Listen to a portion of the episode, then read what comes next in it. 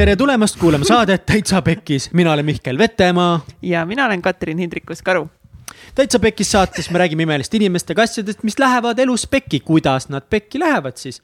miks nad pekki lähevad ning päeva lõpuks, kuidas ikkagi peki seest välja tulla. tänases saates on meil külas Kreeka jumal kuradi ma labori katsetust tulnukas isiklikult isend Mardo, Mardo Männimägi uh.. Mardo on kõige ilusam loom Mardo on kolmekümne kuue aastane kaunis loom.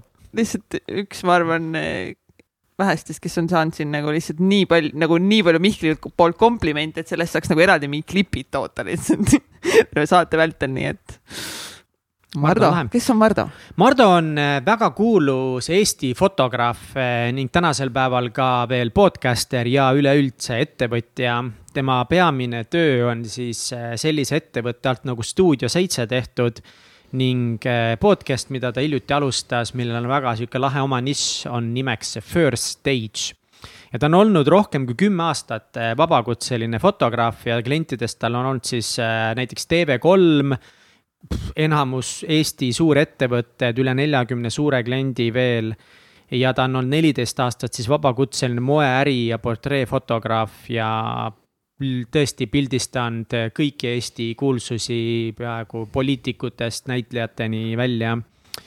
ja, ja ta umbes kahekümne kahe aastaselt lõpetas siis äh, päevapealt oma päevatöö, mis oli ehitusel äh, mm., rassimine ning otsustas minna fotograafiat õppima lihtsalt, et voh, see mind tõmbab, tal ei olnud siis äh, fotograafia alast portfelli, aga läbi suure tahte ja hea jutu tal siiski õnnestus saada fotograafiks ning fotograafiat õppima ning äh, sealt edasi tema karjäär saigi alguse ning esimeseks kliendiks. Kohe tal oligi Eesti otsib superstaari saade, kus alustas siis TV3-ga koostööd. ja nüüd kõik need aastad hiljem paugutab siin mitmel-mitmel rindel ning peale selle on Mardo ka väga kõva sportlane, kui ise tahab mm. öelda, et ta pole mingi sportlane. kui sul, on siis itsus must vöö, siis noh, sa ei ole, noh, sa ei ole sportlane sa oled sihuke nagu käin niimoodi pühapäeviti. See oli, see oli veider, aga ta on siis äh, Brasiilia Jiu-Jitsus äh, mustvöö, Eesti 3D treeningus käib ning ta on kokku võistelnud umbes kolmsada matši, mitte siis kuus, äh, vabandust, kuussada matši, aga mitte kuussada võistlust, vaid kokku siis äh, kuussada fight'i on teinud ja ta on nendest umbes viissada kaheksakümmend äh, võitnud et äh, ta on jõudnud siis ka, tal soov oli tulla maailmameistriks, seal ta jõudis top kuue hulka, aga ta on olnud Euroopa meister, äh, kuueteistkordne Eesti meister mm., Baltikumis võitnud, kaks tuhat neliteist oli siis Euroopa meister, ta on maailma top kümme hulgas olnud ning äh, ta oli siis ka esimene eestlane Brasiilia Jiu-Jitsu Euroopa meistrina ning mis on eriti lahe et äh, ühel hetkel äh, võeti ka tema Connor McGregori Jitsi äh, partneriks, et tõsta siis Connor McGregori Jitsi oskust. ning ta sõitis Iirimaale, elas natukest aega siis Connori treeneriga koos ja aitas seda no teha. nii et sport ja, ja selline väga distsiplineeritud ja läbimõeldud analüüsiv sportlane on ta. imeline mm,. see nii, see oli lihtsalt taaskord megasaade lihtsalt. meil oli nii palju, millest, millest rääkida uskuge mind, et iga minut on, on seda väärt ja mida kaugemale sinna minutites jõuad, seda nagu, seda paremaks see kõik meil siin läheb. ja ma arvan, et Mardu mõtteviisi võibki äh, ühe sellise lausega, tegelikult need laused, millega võib kokku võtta, on erinevaid, aga praegu ma valin siis selle, et. et oma viiesaja kaheksakümnest võidust kõige rohkem ta õppis just oma kahekümnest kaotusest et äh, need on need äh, ja selline mõttemuster tegelikult on kõikidest tema eluvaldkondadest teda väga palju edasi aidanud ja väga kaugele.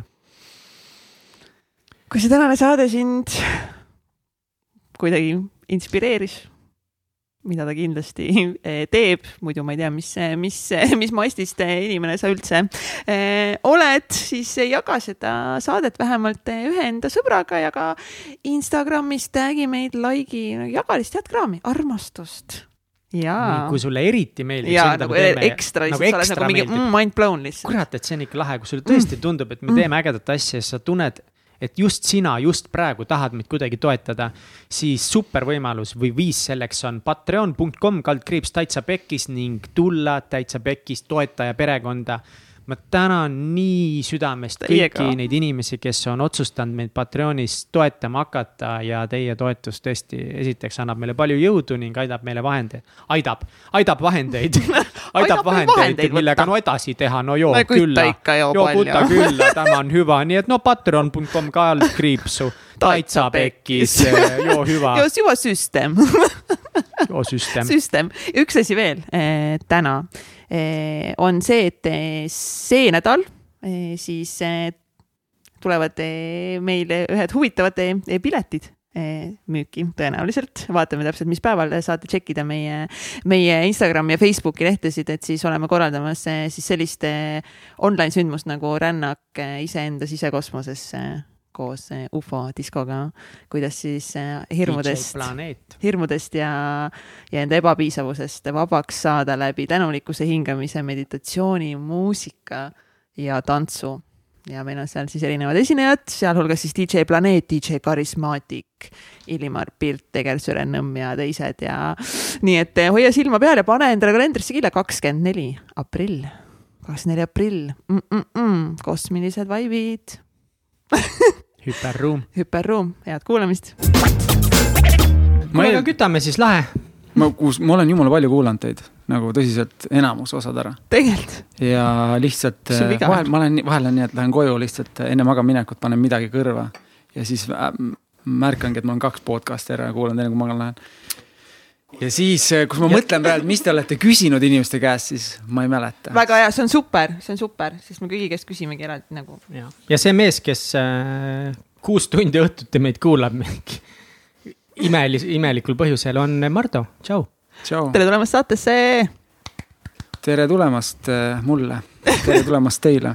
aitäh, et te kutsusite tõesti. väga tore, lõpuks ometi. Mardo, miks sa kuulad meid iga õhtu nii palju, kas sa valetasid praegu? iga õhtu vist. ma iga õhtu ei. kuula, aga ma, ma tõin näite, et ma olen äh, magama minnes panen klapid pähe ja siis äh, eksikombel, kuna te olete Spotify's automaatselt, siis ma olen kaks osa kuulanud. automaatselt, nagu Spotify ja oled kohe läheb täitsa pekkis saade käima põhimõtteliselt sa kuulad hooaja ära, kui sa paned tööle. ta lihtsalt nagu unes kuulab meid. kui sa. pausi ei pane, siis sa lähed lõpuni välja. uh, ma küll pean panema, ma kuulan ise ka hästi palju pika formaadi saateid. ja no ma mõnda epi-, mingit, ma olen Joe Rogani mingeid saateid võib-olla nädal aega kuulanud mõnikord no.. no kui see kestab kolm pool tundi ja sul on näiteks hommikuti kuulad kakskümmend minutit tööle sõites, siis läheb ikka aega, et see ära kuulata aga. sa kuulad eh, tavakiirusel või sa kiirendad? ma kuulan podcast'e ainult tavakiirusel, audiobook'e ma olen proovinud kuulata selle ühe koma viiega kunagi, siis ma ei saanud mitte midagi aru, mind ära rüütas ühe koma mingi kahekümne viiega olen vahepeal kuulanud. Aga seda, jaa, ei, seda ma kuulasin ära. huvitav, mul oli täna see vestlus just, on et keegi ütles, kui kiir- või mis kiirusega sa kuulad, siis ma ütlesin, et ma kuulan tavakiirusega, siis ta ütles, aga mina kuulan kahekordse kiirusega. siis mõtlesin, kas siin on mingi võistlus, kes kui kiiresti muidugi on, Muidugi ta on on. kõvem vend nüüd. muidugi, ta saab kuule, Mardu, rohkem kas sa šokolaadi infot, tahad või? meil ükskord saates kirjutati, et neile hullult meeldib, kui sa mikrofoni sisse sööd. see on, see on? see on roosa See on see šokolaad see on roheline. roosa. See on roosa see on kuidagi šokolaad. ära sulanud, see on see on natukese, ma hoidsin käes seda kaval. käte vahel. vabandage, vabandage, väga kallid kuulajad, ma söön nüüd šokolaadi. kõigile podcast'i kiirkuulajatele, see ei ole võistlus, see ei ole võistlus, Ei aga aga sa saad rohkem, sa saad sama info kiiremini kätte. sellest on vähe abi, kui sa ei tee sellega midagi, reeglina kiirkuulajad on lihtsalt väga kiired kuulajad. aga sellest see elus nagu edasi ei vii. ei no aga kas see ära siis, kas see siis, et ma kuulan eh, ühe koma viie või kahekordse kiirusega, kohe tähendab seda, et ma seda infot ei omasta versus see, et ma kuulan seda ühekordse kiirusega. et tegelikult seal ei ole nagu vahet nagu ka selle kiirlugemisega, et alguses inimesed arvavad, et, et siis sa justkui ei, ei omasta seda infot, mis sa sealt loed. mitte, et ma oleks ise mingi superkiirlugeja, aga podcast'e mulle meeldib küll vahepeal kuulata nagu kiiremini. mina, ma tooks sellise näite, et kui ma lähen kuulama kedagi, kui ma lähen kellegi mm,, ütleme mängufilmi lähen vaatama, kui ma kuulan seda kiirendusega, vaatan, siis ma ei saa esiteks selle artisti tämbrit kätte, sest see moondub heli. ja, ja seal on natuke rohkem peidus kui ainult see, et keegi esitab sulle infot, siis ma. absoluutselt, ei muidugi, muidugi. iga karakter mõtleb, muheleb, pausid on, nad on nii eri moodi, ma arvan, sealt ridade vahelt mina ise leian väga palju infot, et ma ei arva, ma ei ütleks, et üks on, ma ei võta poolt, et üks on õige ja vale. muidugi. ma kuulan tavakiirusega, mina kuulan tavakiirusega. Super. mees tavakiirusel. tavaline Eesti mees. tavaline Eesti mees on väidetavalt küll pidid nagu omastama mitte kiire, midagi. paremini. et kui me räägime puhtalt nagu informatsiooni vastuvõtmisest, siis äh, kiirlugejad pidid äh, võtma paremini informatsiooni vastu, sest aju on rohkem aktiveeritud, kui sa lõpuks kätte saad. Sihukest äh, teadust äh, kuulasin, kui ma kunagi natukese proovisin õppida kiirlugemist. võib-olla kohatu näide, aga näiteks onu Reimose jutud, sa ei tunneks neid inimesi ära seal, sa tegelasi, kui nad kilpkonna ei räägi kilpkonna häälega, et seal on aga ma ei midagi. mõtle kuulamist, vaid ma räägin lugemisest. lugemist, ma räägin lugemisest. see, sellesse ma usun, ma olen, ma olen väga palju loen ja ma tunnen, kuidas ma loen iga hommik natuke teistmoodi, ma loen paremini. üks mm. -hmm. hetk on nii, et sa loed sõnu, teine hetk on äh, juba laused, sa, no, sa vaatad peale, sa tajud, see informatsioon hoopis teistsugune. mulle meeldib, see on õige, ma olen sinuga nõus. ma ühtin äh, sinu arvamusega. no super kuule, kust sinusugune isend äh, pärit on? isend. isend on tähendab väljend, mida kunagi üks mu sõber õpetas inimestele, kes siis selle väljendi ütleja silmis tunduvad kas nagu tulnukalikud või ebainimlikud. Ja ma ei taha nüüd sind liiga hullult nagu ülistada ka, et kohe sul siin saate alguses lahti lüüa, aga, aga ma ikka natukese aga tee seda aga ma, siiski. ma siiski teen Go seda sellepärast, et äh, kui ma läksin esimest korda, mitte esimest korda, kui ma alustasin äh, 3D treeningus äh, Jitsi trenniga, siis no mingil hetkel ma puutusin lõpuks sinuga kokku seal, ühel hetkel ma nägin sind esimest korda mm. -hmm. seda kaks seitsekümmend pikk, noh, kolm meetrit lai, kunagine maadleja, sihuke hävitaja loom, aga teate mis, teate mis? ta näeb välja nagu Kreeka jumal, nooruslik, lõuajoon, mis lõikab leiba raisk. Ja see kuldne kihar, mis on alati visatud sinna paremale mm. poole. Ja siis need rinnalihased, mille pealt nagu kõik kokaiini tõmbavad pärast, see on uh, peale trenni. peale trenni. Et sellistele tegelastele ma ütlen Vau. nagu isend. Vau, sihukest introt ma pole veel siin saja üheteistkümne saate jooksul äh, isegi kuulnud, nii et äh, isegi mina ei ole Korralik. sellist introt kuulnud. tegelikult olegi. mul on väike man crush küll Mardost ja võib-olla isegi suur. millal see oli, millal see, millal me kohtusime, kohtusime esimest korda? see oli äh, umbes kolm aastat tagasi. sa rääkisid praegu nii ilusat juttu, aga mis päriselt, mis mulje ma sulle jätsin? päriselt oligi see mulje, sellepärast et ega ma ei teadnud midagi, no võib-olla tegelikult kas sa see oli tulid nagu, sita kas pea. see oli aukartust äratav ka, kas sa nagu vaatasid, et nagu noh, nagu mm, sihuke aukartust äratav mees mõtlesin või see mm, mango raisk ma arvan, ma olen mangost väga kaugel, mango? aga spordi mõttes, mis, ja spordi mõttes seda enam, minu meelest sul oli juba, kuule sa musta vöö said, vot seda ma ei mäleta alguses, vaata siis ma ei saanud vöödest midagi arugi, et. ma ei mäleta, mis vöö sul oli, aga see vöö oli noh, ta oli täiesti mingi teine vikerkaare spekter, mida mina ei teadnud. aga minu meelest see oli, aga võib-olla oli must, no ühesõnaga mingi vöö. must vöö ja see oli, noh, et peale selle, et, et oma välimuselt ja kõigelt, siis sa olid Jitsis ka veel. äh, ja võib-olla nagu esimene selline päris arvamus sinust äh, tekkis mul siis, kui ma nägingi sind nagu džitsi tegemas. mis on see sinu viis teha ja, ja ma arvan, et ma ikkagi nagu nägin sind siis, kui sa andsid mingit trenni, sest no me ei käinud samas ju selles grupis selles mõttes. ja kui sa andsid trenni, sa olid väga rahulik ja metoodiline ja mõtlik. ja see mulle hästi meeldis, sest tegelikult ma olen ise nagu oma stiililt eh, ka pigem sihuke aeglane, rahulik ja ma proovin aru saada, mis ma teen, sest noh, ma lihtsalt ei saa aru veel, mis ma teen mm. -hmm. ja siis ma ei saa kiirustada, aga, aga sinu juures kuidagi see selline ülim mänglemine, kuidas sa niimoodi nagu ujusid sealt läbi ja sa ei ole see nagu see. no nagu see selles mõttes maadlejate koolkonnast, kes noh, grind ivad nii hullult, et nagu nina on verest väljast, vaid sa oskad inimesi hoida kinni. aga hellalt niimoodi, et neil endal on ka tore, aga samal ajal hästi halb. ja hästi öeldud, see mu eesmärk on olnudki selles spordis. et see, ma tahan, et see nagu paberi peal kannaks, et see, see oleks ideeliselt juba ilus ja ja sport, võitlussport on hullult justkui vägivaldne, aga tegelikult seal on, seal on nii palju asju. et selles, mida sa just kirjeldasid, on väga palju ilu, et kuidas üks koll hoida maas. nii et ta ise saab ka aru, et tal ei ole kuhugi minna. aga see kolm aastat tagasi ma trenni ei andnud, aga ma, mul oli seminar, ma ikka poole aasta sees kaks korda, välja arvatud nüüd koroona ajal, kaks korda annan, õpetan midagi, mingit tükki. ja see, mida sa välja tõid, see metoodika, see ongi 3D treeningust pärit, et mm, kui ma käin võõrastel inimestel seminare andmas oma klubist väljas, siis tihti küsin, et kas te tahate õppida räigelt palju trikke? Või peale kahte poolt tundi päriselt, kui teil on võitlus, te jääte nagu ellu. sest midagi äh, selles spordis osata teha, selle jaoks on kümmet aastat vaja, et et kas tahate jääda ellu või õpime hästi palju trikke, aga te lähete ilge inspiratsiooni, emotsiooniga ära, aga te tegelikult ei mäleta midagi. Ja sealt on ka tulnud see metoodika, et mis siis, mis on esimesed asjad, mis äh, juhtuvad või mida, mis abistaks sind, võib-olla see rahutunne sind siis meeldiks sulle. aga see on ka 3D treeningus mm -hmm. üldiselt nii. ja see rahulikkus mulle väga sobib. hullud äh, kuidagi, isegi hullud muutuvad seal rahulikuks. mõned erandid on, jah aga see läheb aeglaselt, kuidas sina üldse esimest korda mingisuguse võitlusspordi kokku sattusid? kui ma nüüd mõtlen, sa küsid, kust ma pärit olen, ma olen pärit Raplast ja. uh, mis legendid sinust Raplas lihtsalt. ja sinu, sinust, mis, mis Ainult..., kas sa tead, mis legend veel Mardast, ma ei ütle seda praegu saates siin, aga ma olen päris kindel, et üks üle Eesti kuulus legend on meie oh, Mardas siin. kuhu ma olen sattunud? mul pole õrna aimugi, millest Mihkel räägib, aga okei okay.. ühesõnaga, ma olen Raplast pärit äh, ja ja võitlus, kui ma võtan natuke pikem, miks võitlussport, siis kui ma lapsena nägin, näiteks nägin kaklusi, siis äh, mind huvitas see, just see ruum ja tasakaal, nii naljakas on tagasi mõeldes, et ma kui teised pöörasid pea ära, läksid punaseks ja põgenesid ära, et jumala eest nende, nendega oleks seotud, ma ei olnud üldse kakleja. aga ma vaatasin, et kuidas üks või teine liigub. ja, ja aega edasi kuidagi juhtus nii, et äh, üsna hilja, aga ma vist läksin kolmeteist või neljateistaastaselt, kaheteistaastaselt äh, poksitrenni. ja, ja siis, mitte poksitrenni, kõigepealt karatetrenni, siis ma nägin, et noh, see, see on reaalsusega pole mingit pistmist. et me tagusime põrandaid ja tegime hääli ja katad, aga mind huvitas just see, et mis siis juhtub, kui sa kedagi lükkad. ja ta lükk- ja ta ei kuku nagu puu metsas, vaid ta on päriselt.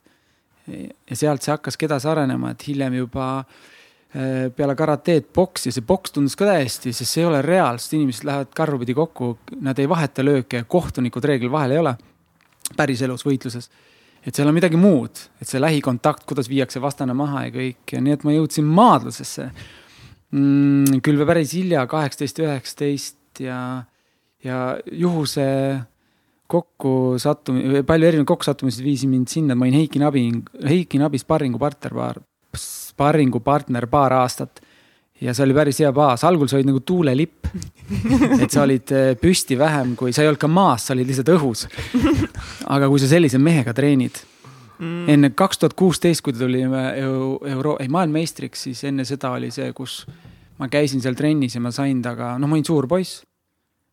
ja see oli ja siis saad ka aru, et sa oled, treenid Heiki Nabiga kes on äh, maadlusspordis äh, väga häid tulemusi teinud. noh, hetkel on siin skandaalid ja kõik see, aga see käib selle asja juurde. ja siis juhuslikult äh, seal kõrval, ma tundsin Priit Mihkelsoni juba noorusest. Ja ma mingi naljakas fakt on, et ma olen Priit Mihkelsoniga vaadanud NBA finaale minu juures. Priit Mihkelson on siis 3D treeningu peatreener Just. ja nagu asutaja ja tema käis ka meie saates mingi viienda külalisena või neljandana no,. me räägime ja. inimesest, kes on siin reaalselt olnud. ja neil kõrval oli seal džitsi trenn ja peale Heiki Nabi või peale seda Eesti koondise trenni ma jäin, mõtlesin, et pff, why not, teeme kaasa. Proovime ära, mis kõik räägib mingit džitsist, MMA ei olnud Eestis teatud, mis asi see on, arvati mm, -hmm. et see on mingi. ma korra küsin siin vahele, ma korra tahan äh, kas see oli nagu frustreeriv ka Heiki Nabiga, võib-olla just alguses, et ma kujutan ette, et sul oli omajagu enesekindlust selleks ajaks tekkinud eh, nii-öelda iseenda ja füüsilise maailmaga ja, ja., ja kui ta viskas nagu tuulelipp, mis tunne see nagu reaalselt oli, sest ma kujutan ette, et sul ei olnud mitte midagi teha. ei olnudki, mul ei olnud mitte midagi teha, aga see tunne, mulle meeldib, eh, kui asjad ei lähe hästi. et eh, see oli ju vabatahtlik seal, ma tegin oma, õppisin äh, tol hetkel kujundust, fotograafiat ja ma tulin peale seda igat äh, koolipäeva maadlema sinna, mulle meeldis see. ma ei, kõige naljakam oligi see, et see kunsti pool ja need spordisõbrad ei saanud aru, et miks sa nagu õpid kujundust ja fotograafia, mida sa teed sellega. Ja, ja maadlejad ei saanud, tähendab mm, kunstnikud siis ei saanud aru, et käid maadlemas, ma ei rääkinudki nendest, need on nagu kaks erinevat elu mm. -hmm. kui silm oli natukene ära marrastunud, siis ütlesidki, et juhtus lihtsalt midagi, ma ei, ma ei viinud neid veel kokku, nagu mm -hmm. elas kaks Mardot, kuigi nad kõik teadsid, et kunstnikud ei saanud aru, et keegi, kui ma kusagil võistli, võistsin mingi võistluse, nad küsisid, mida kuradit, et sa käid maadlemas või, või vastupidi, et. Ja mulle ei meeldinud see, aga see on hea mittemeeldimine, seal oli ikka selliseid väikseid poisse, kes äh, lükkasid ka sind liikuma väga lihtsalt, et ähm, lisaks sellele oli seal Heiki, Heiki Nabile, Alo Toom. no palju Eesti koondislasi, kellega ma koos maadlesin ja nad olid megasõbralikud. Nad nägid nii hullud välja, noh kaela ei ole. aga kõik olid nii, et äh, mäletan, üks poiss oli, kes ütles peale trenni, ütles, kuule sul selja taha tõmba, see on sul päris halb, et teeme mingi kakskümmend minti peale seda veel läbi. ja see arenes. ma julgen öelda, et Heiki Nabiga Äh, peale seda neid treeninguid ma lõpuks suutsin ta vastu püssi seista, et mind, ta ei lükanud mind pikali või kuhugi. aga noh, ta partermaadlus oli nii, et sa tahtsid, et sa sealt üle käis, see oli nii valus lihtsalt, et palun, palun lõpeta kohe. aga see, see selleks, ühesõnaga ma tegin seal sporti ja vaat nüüd tuleb frustratsioon, et ma, sa treenid nagu Eesti parimatega mm -hmm. ja lähed džitsi trenni ja seal on mingi seitsmekümne kahe kilone Martin Aedmaa, kes on uh. tänaseks black belt, tol hetkel oli sinine või lillavöö mina olin üheksakümmend viis kilo. ma segan nüüd kohe jälle vahele, jätan meelde, me olime selles kohas, kus väike Martin Aedma sada üheksakümmend viis kilo maadleja, noh, loom Heiki Nabiga müranud, nii et vähe ei ole. kui palju sa Jitsist teadsid, mida see üldse tähendab, mis asi see on? no ma teadsin ainult seda, et ma olin Priiduga rääkinud ja ütles, et nad teevad mingit sellist asja, kus nagu vabavõitluses on see ala hästi oluline, et sa oskad ennast maas kaitsta mitte midagi. Okei okay,, okei okay,. tal oli nii kole kimono seljas, mõtlesin, et juba sellepärast küllalt saab ta käest peksa. kõige naljakam, kakskümmend kilo vahet, heidad üle rinna. Eh, püüad teda maas hoida järsku on ta sul back'is, kägistab, sa täpid, see on täiesti uus tunne, vaata, saad aru, et veri ei lähe lihtsalt pähe. nagu mõtled stopp ja mis me tegime seitse või kaheksa korda, mõtlesin uuesti, uuesti, uuesti ja, ja sellele järgneski see, et mõtlesin, ma tahan teada, mis asi see on lihtsalt, see ei saa olla nii, et mingi äh, tüüp, keda ma tol hetkel ei tundnud, ta on nii väike, tedretähnik, sihuke kõhna nägi välja nagu, ta nii, ta nägi nii naljakas välja, punase peaga tedretähnid, vaatad läbi, onju. kui ta keeras külje ette, siis sa ei näinud teda. ja siis äh, ma tulen Heiki Nabi või tulen Eesti maadluse trennist või maadluskoondise trennist ja saan peksa lihtsalt lahtise käega mõlemalt poolt.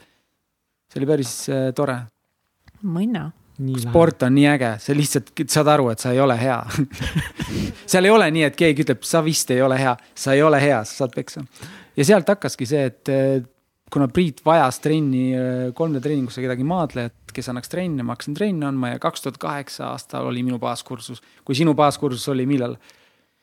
No praegu miinus kolm põhimõtteliselt vist või, kaks tuhat kaheksateist või midagi sihukest. jah, ma arvan, et kaks tuhat kaheksateist, kaks tuhat seitseteist. tol hetkel oli teistmoodi see, et ühes baaskursuses kolmes kuus oli MMA, püsti, poks ja maasvõitlus kõik ühes nagu mm.. kõik asjad ja siis okay. sa otsustasid, mis sa teed või sisuliselt oligi kõik nagu väga üks.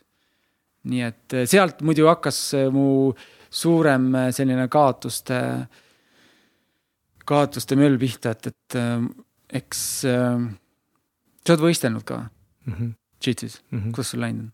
sain pähe, ma olen ühe korra, kaks korda olen võistelnud, ühe korra sain, ma ei mäleta, äkki oligi, et no ühe korra saad pähe oligi läbi. või sain kaks korda pähe läbi ja teine kord äh, võitsime siis kaks korda ja siis viimase kaotasin. äge, selles mõttes, kuidas sa ennast tundsid peale kaotust? ülilahe oli, see oli mu elu esimene võistlus ja mäletan seda, et see oli nagu nii lõbus ja ma mäletan, ma noh, kuulan Joe Roganit hästi palju ja ta räägib ju MMA, UFC võitlejatega sellest mindset'ist. millega lähevad mehed siis maailma nagu vaba maad, vabavõitluse tipus matile. ja osad mehed on seal rääkinud, et see seisu mõtteviis, kuidas nad ennast viivad, on see, et ma olen valmis selle mehe ära tapma, sest tema tuleb mind tapma ma ei tea, kas kõik nii teevad, aga ma olen kuulnud, äh, aitäh sulle, Mardu, vaata mulle kohvi. et osad lähevad selle mõtteviisiga ja siis ma mäletan, ma kigisesin naerda, sest ma olin natukese närvis või noh, ma olin palju närvis, aga see oli nii lõbus ja tore, sest mulle see mängulisus hullult meeldib seal. ja siis ma mäletan seda hetke, kus ma kõndisin mati peal, ma olin mingi oot-oot-oot, Mihkel ma lähen, ma tapan selle venna nüüd ära, no ma ei suutnud tõsiselt võtta seda, mäletan, ma peas ütlesin siukest, ma lähen tapan selle venna ära, see ei olnud üldse tõsiseltvõetav ja siis ma läksin oh. niimoodi hullult tõsiselt, tegin kõige tõsisema näo, mis mul oli, ma olingi, et davai, nüüd ma lähen. ja siis ma olin mingi viie sekundi pärast maas ja sain tagant kegistuse oli läbi tapp, killer. sina oledki killer. ja, ja, ja. väga head viis sekundit või? ja, no tegelikult see kestis nüüd ikkagi kauem kui viis sekki, aga see tundus, et see käis kõik nii kiiresti, mul isegi video peal kõik ja see oli hullult, hullult lahe. ja ma olin nii adrenaliini täis ja kael oli hästi valus no. see oli sihuke kränk hästi nagu sihuke krängine. kirjeldad, kujutad ette, kui paljudel meestel või üldse inimestel ei olegi võimalust kogeda seda, et sa oled äh, noh, džitsi puhul on see, et äh, sa saad minna saja protsendiga võitlema ja sa boksis saja protsendiga on keegi saab pea põrutuse ja peab kolm kuud eemal olema ja võib-olla see jääb terveks eluks ajaks. oota, mis see tähendab, saab, saab minna saja selles mõttes, et see ei ole lööke. Et sul on ainult maadlusvõtted ja kui sa oled loll, siis sa saad haiget. selles mõttes, et kui sul käsi on äh, käelukus sirge ja sa ei täpi ja sul pole õrna aimu, mis seal teha, siis ta läheb puruks ja siis noh, tegelikult sa kannatad terve elu, sest. no aga küll... trennis ma ütleks nagu, et noh, päris nii ikkagi ei juhtu, et kui sa. seda no,, seda pigem ei juhtu. pigem aga, lastakse lahti enne, et no hea küll. võistlustel, võistlustel on ikka palju, et, et reeglina ikka ei, ei, ei, egod on ma arvan, et see on oluline tunne meestele nagu tunda päriselt, mida tähendab teise mehega nagu füüsiline rüselemine, muidugi väga paljud Eesti mehed harrastavad seda klubides, aga mis on täis lollus, on ju. aga, aga ja siis ka tunda seda, mida tähendab see, kui mingi teine vend domineerib sind nii kõvasti, et sa kõigest just ükskõik, mida sa teed, sa ei saa mitte midagi teha mm -hmm. ja seda mhm. tunnet tunda, see, tead, see toob maa peale tagasi see on üks äge tunne, et kui sa saad kolakat. aga see ongi siis see tunne, et sa tahad siis paremaks saada, jah? jah, minu jaoks. üks asi on, tahad paremaks saada, teine on, kui sa kirjeldasid oma esimest kaotust, siis äh, mul on jitsi matšidega circa, ma olen teinud kuussada fight'i ja nendest kaotanud, ma võin eksida, kas on viisteist või kakskümmend ja esimene oli kaotus Eesti meistrivõistlustel, kui, kui ma kaotasin ühe Tartu tüübile, kes tegi mulle takedowni ja punktid kaotasin. ja see kohalolek oli hoopis trennis, ma olin alati käinud, ma olin käinud aasta aega trennis mm. -hmm. peale seda ma olin, ma olin rohkem fookus, ma ei rääkinud kõrvalolijatega, kui näidati uut tehnikat või ma küsisin ja see, see kaotamine oli mega äge asi. ja, ja kõige suurem areng vist isegi al, algas sellest, et kui ma tegin oma MMA matši puuris ja ma kaotasin ühele soomlasele äh, Bravo Joke'iga, see on siis üks selline kägistus maas. ja ma olin paberite järgi nagu parem, aga ma sain, ma olin järgmine, ma mäletan, järgmine päev oli esmaspäev, pühapäeval toimus üritus, püha, ma olin esmaspäeval trennis ja ma olin nagu lihtsalt kõige lähemal treenerile. ja ma olin nagu varvaste peal, ma olin toetasin nagu, ma oleks peaaegu kukkunud kõhuli ja paar aastat hiljem olin, tulin ma Euroopa meistriks, et seal on, need omavahel see kaotus ja see edu olid äh, väga suures. aga miks sa arvad, et see sulle niimoodi mõjus, et see kaotus võib ka mõjuda sihukesele mõne mehe egole hoopiski vastupidiselt, et esiteks sul tekib mingi kaitse, kaitsekilp ette otsid mingeid muid vabandusi, tahad nagu eemale tõmmata, et see on nagu ma tean ka paari sõpra, kes on võtnud tšitsis nagu selle, et davai, ma teen selle ära, ma võtan ja. eesmärgiks saada džitsis üliheaks ja siis ta läheb võitlustel halvasti. täpselt samamoodi ja näiteks tüübiga, kes on paberite järgi kehvem kui tema ja enam ei käigi trennis. no see on igaühe enda otsus, et mina nendest otsustada ei saa ja ma ei üldistaks, et kas see on õige või vale, vaid minul just tekitas see hasarti, et äh, see andis tohutult jõudu mulle kui kunstnikule et kui ma läksin järgmine päev midagi looma, siis see kogetu Matil või need kaotused, see tegi mu maailma palju värvilisemaks, et ma ei saa teiste eest rääkida, mulle mm -hmm. meeldib, mulle ei meeldi muidugi kaotada -hmm. no kui sa lähed võistlustele. kui ma mängisin juba suuremal, suuremal areenil, et Baltikumis tulin oma kaalu äh, meistriks ja absoluutmeistriks, seal olid juba päris vastased. noh, seal siis sa, ma isegi ei lootnud nagu võita. Need kollid kõik, kõik olid kollid. aga kuidagi, kuidagi läks nii, et aga kui mm. sa oled ikkagist kuussada matši teinud ja kakskümmend ainult nendest kaotanud, siis nagu statistiliselt sa tegelikult kogu aeg ikkagist võidad. sa võidad kogu aeg. praegult see number äh, kõlab ilus. see kõlab nagu aga nagu tohutu. ütleme, et sa hakkad siit minema, siis sa ei ole iga kilomeetri peal nagu õnnelik, kui sul on vaja kümne kilomeetri kaugusele minna, siis sa ei ütle jess, kilomeeter. vaid kuidagi mõtlesid, kas suudan veel ühe käia, teise, kolmanda, neljanda, kõik need võidud tulid nii, et jälle mingi turniir, kutsuti, kas olid kutsega või klubi poolt ütles, et peaks minema, see tuli tasapisi, ma ei olnud kunagi mingi staar. kui ma tulin Euroopa meistriks, mul oli, ma võin eksida, kuus või seitse vastast minu kaalukategoorias, minu kaalukategoorias oli äh, viiskümmend kolm Euroopa parimat meest, no sa ei eelda, et sa võidad. esimene ring küll vedas, et sain edasi, teise ka noh, isegi peatreener ütles pärast vaatas, et ma ei tea, kuidas sa need matšid ikka võitsid. aga kolmas oli juba nii, et sul oli sa ehma-, sa nagu üllatasid. nii et veel finaalis oli need kaks minutit ja ma kägistasime vastase ära. väga hea vastase vastu, et see kõik. kas sa väga... mäletad seda tunnet seal matil või? oi. kirjelda seda. ma võin sulle kirjeldada täpselt enne võistlust, mul on selline tunne, et mulle, ma ei maga, ma ei saa magada, ma olen nii närvis. ja kui ma vaatan bracketing, see on see siis, kus sa näed, kelleks kokku lähed eelneval õhtul, siis mul on nii, et noh, adrekas ja kohe WC-sse mul on nii suur närvipinge, et äh, ma tunnen, kuidas nagu näpuotsteni tunneb, vibreerib ja see on nii ebamugav, und ei tule. ja kui võistlustel on ka nii, et võistluste hommikul neerud valutavad, hambad, kõik see pinge on nii suur, noh, käid iga mingi kahekümne minuti tagant WC-s sõna otseses mõttes pissil, on ju. sa oled nii närvis ja siis see, et kui on fight, on savi, siis on täiesti, siis unust-, unustan ära, aga see eelnev asi on, ma kaotan tavaliselt, ma pean olema näiteks, kaal on üheksakümmend neli koma kolm, ma enam ei mäletagi, üheksakümmend neli koma kolm oli mul kimono kaal, siis kui ma läksin, ma olin terve öö magamata ja nii närvis, et ma läksin kaaluma, olin kaheksakümmend üheksa, ma olin ööga võtnud neli kilo alla. mul ei olnud vaja võtta grammigi alla, lihtsalt keha on, valmistub justkui nagu surema, naljakas asi. Ja, ja mida ma olen tähele pannud, ma hüppan korra edasi siit, et see on, see on hea tunne, kui kokkuvõttes see on mega hea tunne, sest kui Eesti koondis läks võistlema ja ma küsisin poiste käest, kuidas te ennast tunnete, mul on täiesti, mul on niimoodi, et nii ebamugav on, kõik kohad valutavad ja siis enamus ütles, mul ei ole midagi. Aga nad ei jõudnud ka pjedestaalile. tegelikult nad luiskavad iseendale, et seda, seda hirmu tuleb nagu nautida.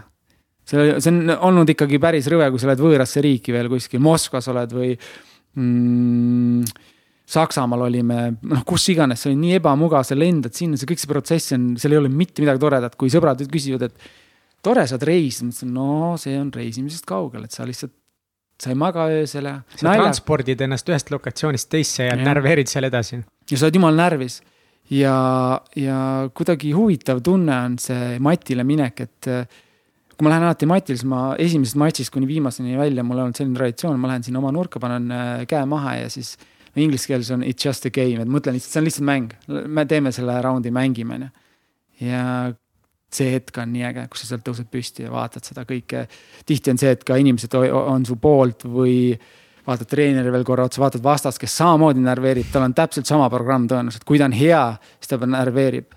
et Euroopas, Euroopa meistrivõistlusel lähed kokku ainult reeglina sinna nagu ei tule, tule, juhuslikult inimesed satuvad, seal on väga-väga head tüübid, nad lendavad ju kohale, kõik on noh. pluss on vist mingist mm -hmm. kategooriast on kutsutud, aga see selleks. Aga see põdemine on, see on äge, see on lahe tunne. ma noh, see on sarnane, kui ma olen pidanud avalikult rääkima näiteks äh, koolides kõnelema, siis samamoodi nagu täpselt üks-ühele. lihtsalt tegevus on teine, ebamugav. sinnamaani kuni sa pole ennast võistlustele mm. kirja pannud ja vaatad, kuidas teised võistlevad, mõtled, siit ma läheks küll ära, põgeneks, vaatad uuesti, mõtled, miks ta püsti ei tõuse. see on teine mees, kes seal selle pinge all on. su mm -hmm. väga palju oskusi kaob ära ja selle tõdemine, et mingis pinges sa kaotad väga, väga palju oma oskusi see teeb sind tugevaks versus see, et sa eitad, et ah, mul ei ole mingit närvipinget ja mängid ennast mm. nagu suureks. kui ma võistlesin, ma ei kartnud mitte ühtegi sellist tüüpi, kes tuli mati äärde möirgas, lõi vastu rindes, treener lõi edasi, siis tema lõi treenerit ja karjusid, onju. ja kui ma läksin sinna tere andma või kallistama, siis ta nagu tõukas eemale või sellist ülbust. Need käisid kõik nagu taskunoad kokku, mingit probleemi polnud. aga ma nägin kedagi endasugust, kes tuli sinna, põdes, jalad värisesid, katsus matti samamoodi, tuli sinna, kallistas, kõikidel kohtunikul käis kättpidi läbi. Need olid ohtlikud tüübid ja neile ma ka kaotasin maailma tasemel. et sa nägid nagu ära, et nad on vaimselt nagu tugevad inimesed. ma saan aru, et mm. Äh, siit tuleb duell et ta saab aru, mis ta teeb, et ta tuleb, ta vaatab, mis ma teen ja siis mõtleb, mitte nii, et ta teeb oma programmi. mis võitlusspordis on ikkagi, sa pead lugema vastast, sa esitad oma, oma kava ära, aga see täna ei olnud see kava üldse plaaniski, et sa pead olema, minul endal on tundunud nii. Neid ma ei, neid ma kartsin, kes olid nagu mina ja need, kes olid möirgasid mind on löödud äh, võistlustel ringkeresse niimoodi, et matši ajal Venemaal, ma tahan seda ära rääkida, see on, oli niisugune inetuse spordis, et seal oli mingi vene kolonel äh, tegi džitsi ja tal oli kuueliikmeline meeskond, kõigil joped seljas, nimed seina, seinas mm, -hmm. jooksid siin, andsid talle nuustust enne mingit nuuspiiritust, möörgas. et sai kolmkümmend null mu käest peksa uh.. ja kui oli kakskümmend viis null, siis ma olin tal mound'is ja siis ta lõi mind ringkeresse. siis ta, ta ei olnud harjunud sellega, ta oli Venemaal staar, keegi polnud talle ennem tuupi andnud. võimatu suubida, sest ta oli nii tugev aga neid punkte korjata andis seal korralikult, et see oli ta esimest korda, kus ta kaotas kellelegi nii suure massiga ja ta noh, ta ei olnudki selleks valmis.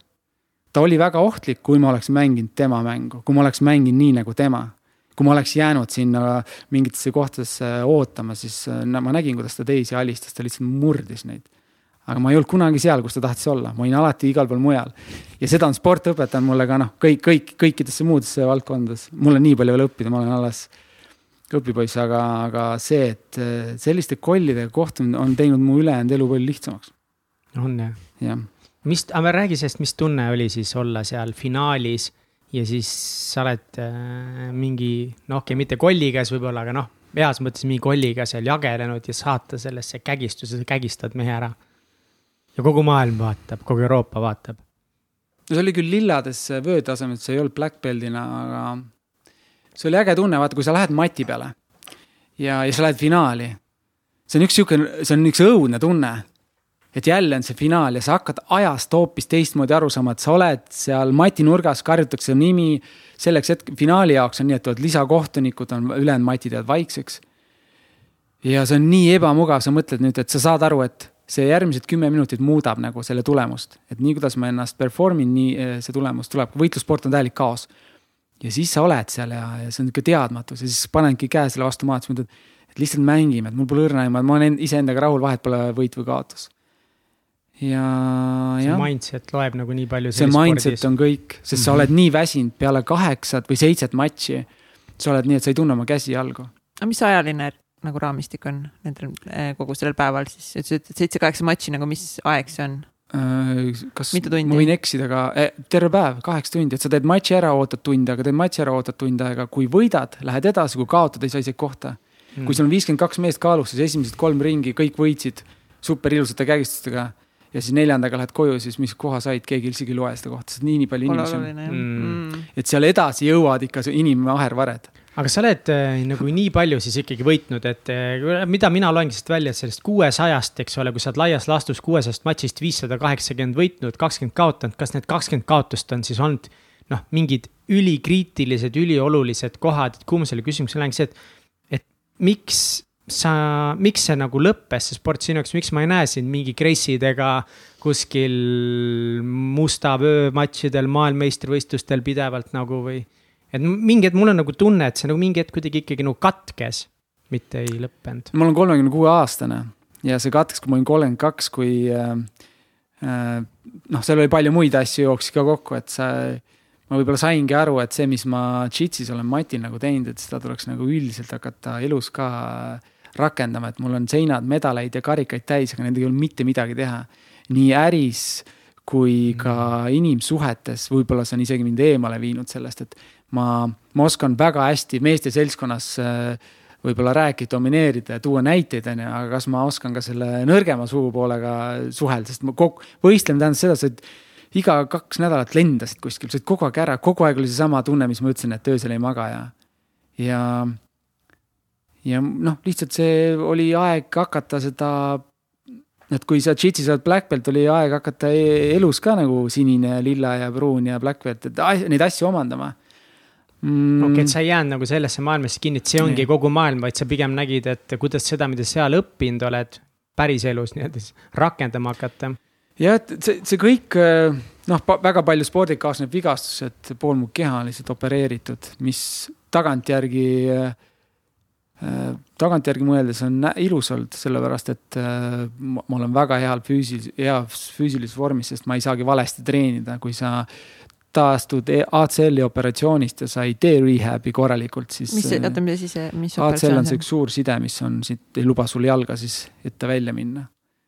okei okay, no., kus sa selle siis äh, endale said? võistlustel ja üldse mitte nii, et mind rünnati, vaid ma ise ründasin lihtsalt see pidev võistlemine, mm, reisimine, närvipinge, see lõpuks teeb su kõik äh, lihased ja kõõlused hapramaks, mis sa saadki aru, et sa ei ole, no sa ei ole tegelikult jumal, vaata.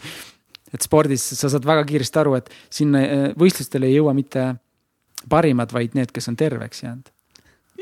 Need, et väga palju. kõige kui... targemad võib-olla mõnes mõttes siis see nõuab ju teatud distsipliini ja tarkust ja. ka, et nagu noh, muidugi on vigastusi, mida sa ei saa kontrollida, aga väga palju sa saad ju kontrollida. väga palju saad kontrollida, kontrollida, trennis juhtus väga vähe vigastusi, põhimõtteliselt mm -hmm. mul ei ole mitte midagi juhtunud ja, ja üldiselt on kõik võistlustel tulnud äh, võib-olla sellepärast, et ma läksin mõne kollimänguga kaasa.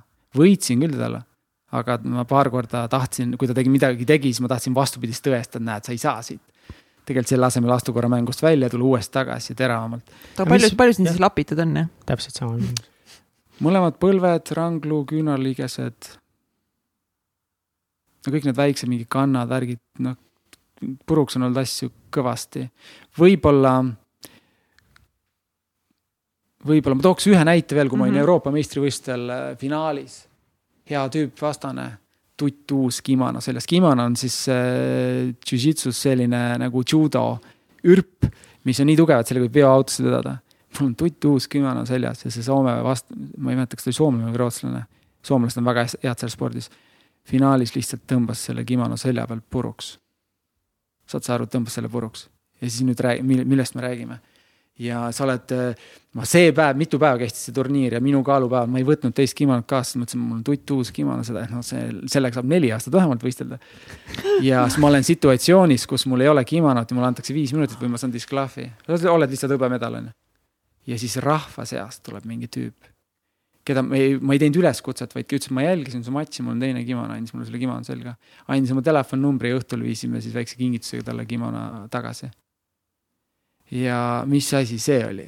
siis mõtled, kust see tuleb, järelikult keegi jälgib, kui sa teed asju, vaata, sa oled kellegi täiesti võõras inimene. no kuidas matš läks? see oligi see Euroopa äh, finaal. ah, see tema oligi jah? no mul ei olnud, paberite peal oli niimoodi, ma olin underdog, noh, et see oli nii underdog, et see ei olnud, noh, keegi, ma vaatasin Euroopa meistrivõistlustel minu arust ühtegi pilti ka ei olnud, sest keegi ei teadnud, kes ma olen, mingi vend tuli, lihtsalt tegi kimonoga see oli kole kimono kohe. see selleks, ühesõnaga, kui ma võitsin, peale seda hakkas turniiril olid väga palju must pilte, et enne mm -hmm. seda ma olin mitte keegi, aga seal oligi see, et kimono tõmmati puruks neljakümne sekundiga. siis anti uus kimono selga, kohtunik vaatas, kiitis selle heaks, seal on hästi need, kuidas ta sul täpselt seljas peab olema. ja, ja siis poolteist minutit ja, ja oli täpp ja võit, hea tunne oli, kui sa küsid, kuidas tunne mm -hmm. oli, aga suuremad emotsioonid on ikka kaotades, kui sa kaotad, siis äh, sa kuid ärkad külma haigiga, nagu sa ei taha. ja see kaotamise juures ei ole see, et mis teised arvavad, vaid sa tunned, et sa, sa hakkab, sul hakkab peas keerama selline asi nagu what if, kui ma oleks astunud sealt välja, teinud selle. ja sellest ei saa, seda ei saa välja lülitada. kui palju sa tagasi siis mängid enda peas neid matše, mis sa kaotanud oled? Mm, kaotusi vaatan sadu kordi tükkidest aegluubis. et ei ole nii, et kui keegi ütleb, et ta on parem, siis ütleb, miks ta on parem, vaatan videost. näe, ta astub, kui ta astub sealt välja, ta astub väikse nurga all. tähendab seda, et tal on ajastus puudu, et ast-, ajastus täielikult puudu, et astuda veel sealt edasi. see on, sport on puhtalt äh, tükid ja lugemine, et see ei ole, meil on kõik matšid video peal, kõik treeningmatšid, kõiki asju kogu aeg filmid ja vaatad ja paned kokku, et see nii nagu sa päeva planeerid kui sa tead, mis sa homme teed, siis sa teed neid asju, kui sa vaatad, mis homme teed, siis, siis ta nii on. absoluutselt, ma kuulsin, et, et sa ise oled lasknud enda matšid igalt poolt ära kustutada. sellepärast, et siis inimesed ei saaks vaadata ja analüüsida see on väga oluline asi ka. üks on see, et kirjutadki Youtube'i, ütled, sa, sa ei soovi seal olla, sest vastaja loevad sind sealt pealt. et kui sa hoiad seda kõike üleval, siis nad ju teavad, kuidas sa lähed, sõidad Saksamaale, lähed kokku mingi ähm, kes mul viimane, viimane kaks tuhat, ma mõtlen, kes seal vastane oli. vahet pole, mis maa see oli ja siis äh, ta teab ju, mis sa teed, et see on mingi kindel mäng. sõna otseses mõttes, kui ma olin turniiril ja ootasin oma matši, siis ma vaatasin, kelle ma kokku lähen ja siis ma tegin märkmeid, mis nad teevad. seal, sest sa lähed kokku kõrilõikajatega, sa pead teadma seda, noh, see on nii kole sõna, džitsis, kus ei tohi isegi lüüa, onju. aga inimene, kes pole kunagi tundnud et kui, et ta nagu taskunuga maha kokku pannakse, ta ei saa püsti tõusta, ei saagi sellest aru. et kui sa oled ikkagi kellegiga, kes on väga hea äh, selles spordis äh, maadelnud ja, ja sa saad aru, et sa ei otsusta enam asju, siis see on äge tunne nagu. ja vahet ei ole, kas ta on mees või naine. jah, vahet pole, kas mees või naine. ja raskem või kergem sinust, et lihtsalt see on see on, aga see, mis mind inspireeribki kõige rohkem, et, et selline nagu noh, nagu teaduslik lähenemine, metoodiline harjutamine, mingi päris asi. mis aitabki sind olukordades, et ma olengi, ma olen nagu lühike ja peenike ja kerge, on ju. ja minu enesekindlus on elus olnud väga suur probleem mul mingi lapsepõlve traumadest, eks ole, tunda ennast nagu enesekindlalt kuskil ja siis ongi reaalselt mingi asi olemas, mis päriselt nagu teebki enesekindlamaks, sest kui see paganama Liisi, kes on ka meil saates käinud. noh, ma ei tea, palju ta kaalub, mitte midagi, ta kaalub nagu üks klaas. viiskümmend kaks kilo. noh, ja pakib sind niimoodi kokku, et see ei ole mitte midagi nagu, okei okay,, ma saan aru, et ta on veel eriti pro, aga noh. vahet ei ole, see on, see on nii see on, ma nii soovitan seda tunnet inimestele proovida, see on nii jälle üks tunne, mida sa peaksid nagu elus kogema. mis tunnet sa konkreetselt mõtled? seda tunnet, et kui sind vägistatakse, noh. ilma penetratsiooni. see on, see on, ma okay., ma toon tegelikult siia veel Lihtsalt, ühe täpsustuse. sa oled praegu nii, nii äh, kuulajad mõtlevad, millest siin jutt käib, see on, see on praktiliselt, see on äh, võitlusspordis äh, on kaks väga olulist asja, on ruum ja tasakaal. et kes kontrollib ruumi ja kellel on väga hea tasakaal sellel hetkel, siis teine järelikult kannab teda ja tal on väga täbar olukord. Ma tahan siia tulla korra tagasi, et äh, ma, me oleme rääkinud, võitlussport ja see ja teine, see kõik on umbes nii, et äh, mm, ma ei tea, mõni käib nädalavahetusel äh, jalutamas, mõni käib jooksmas, mõni mängib tennist, siis sisuliselt minu sport on alati olnud selline kakskümmend viis protsenti, mida ma teen, see ei ole kunagi olnud isegi viitekümmet protsenti ma tegin neid sporte kõike sellepärast, et see inspireeris mind ja mulle meeldis see ebamugavus, mis ta tekitas, aga tegelikult nägi välja kogu mu see spordikarjääri algus. ma läksin 3D treeningusse ainult sellepärast, et tööpäeva lõpus, kui ma olin terve päev TV3-s võttel olnud näiteks, et äh, ma saaks unustada kõik kuigi mulle meeldis see võte, mulle meeldis ka sport ja siis nad kuidagi, nad täiustasid teineteist nii ägedalt, ma olin järgmine päev kõps jälle varem võttel kohal, mul oli nii hea tunne. seega kuni Balti, äh, kuni Euroopa meistrivõistlustele kuni Euroopa meistrivõistlustel äh, esikoha saavutamiseni ma käisin kolm korda nädalas trennis. esmaspäev, kolmapäev, reede ja see oli lihtsalt hobi, sellepärast inimesed tihti ei teadnud, et äh, mu kunst, kunstnikest sõbrad ei teadnud, et ma teen džitsi ja mu džitsi sõbrad ei teadnud, et ma pildistan, mul on mul oma stuudio, nad polnud õrna aimugi, nad olid mm -hmm. nagu kaks varielu. mitte, et ma oleks varjanud, vaid ma lihtsalt ei rääkinud sellest mm. -hmm alles siis, kui tuli Euroopa meistrivõistlustel äh, kuldmedal, siis ujusid ligi inimesed, kes ütlesid, kuule, sa peaksid seda tegema iga nädalavahetus, me maksame selle peo kinni. tekkisid toetajad, tekkis äh, väike stipendium, tekkis kõik, enne seda see oli kõik nii, et ma käisin kuni kaks tuhat kolmteist. noh, mõni vaatab õhtul telekat, ma, ma, mulle meeldis, ma läksin, äh, õppisin neid liigutusi et ära saa valesti aru, mul ei olnud kunagi, et ma olen mingi sportlane, ei. Mm.. oled küll sportlane, mis sa ajad, lihtsalt sa ei oli, olnud kakskümmend neli seitse sportlane. see oli hobi korras, sest algul maksid kogu selle peo ise kinni ja, ja, ja, ja iga kord, kui ma lendasin kuhugi, siis ma ta reeglina töötlesin enne pilte seal lennukis ja, ja see mm. ei olnud kunagi nii, et ma olen, lähen võistlema, teised tulid ainult võistlema. võib-olla see oligi mu eelis, et mu pea oli muid pulki täis, sest kui ma läksin võistlema, siis Euroopa meistrivõistlustel sul vastased kõik on, äh, nende töö on võistlemine mina olin fotograaf, kes käis nädalavahetusel võistlemas. ikka pakkisid kokku kõik?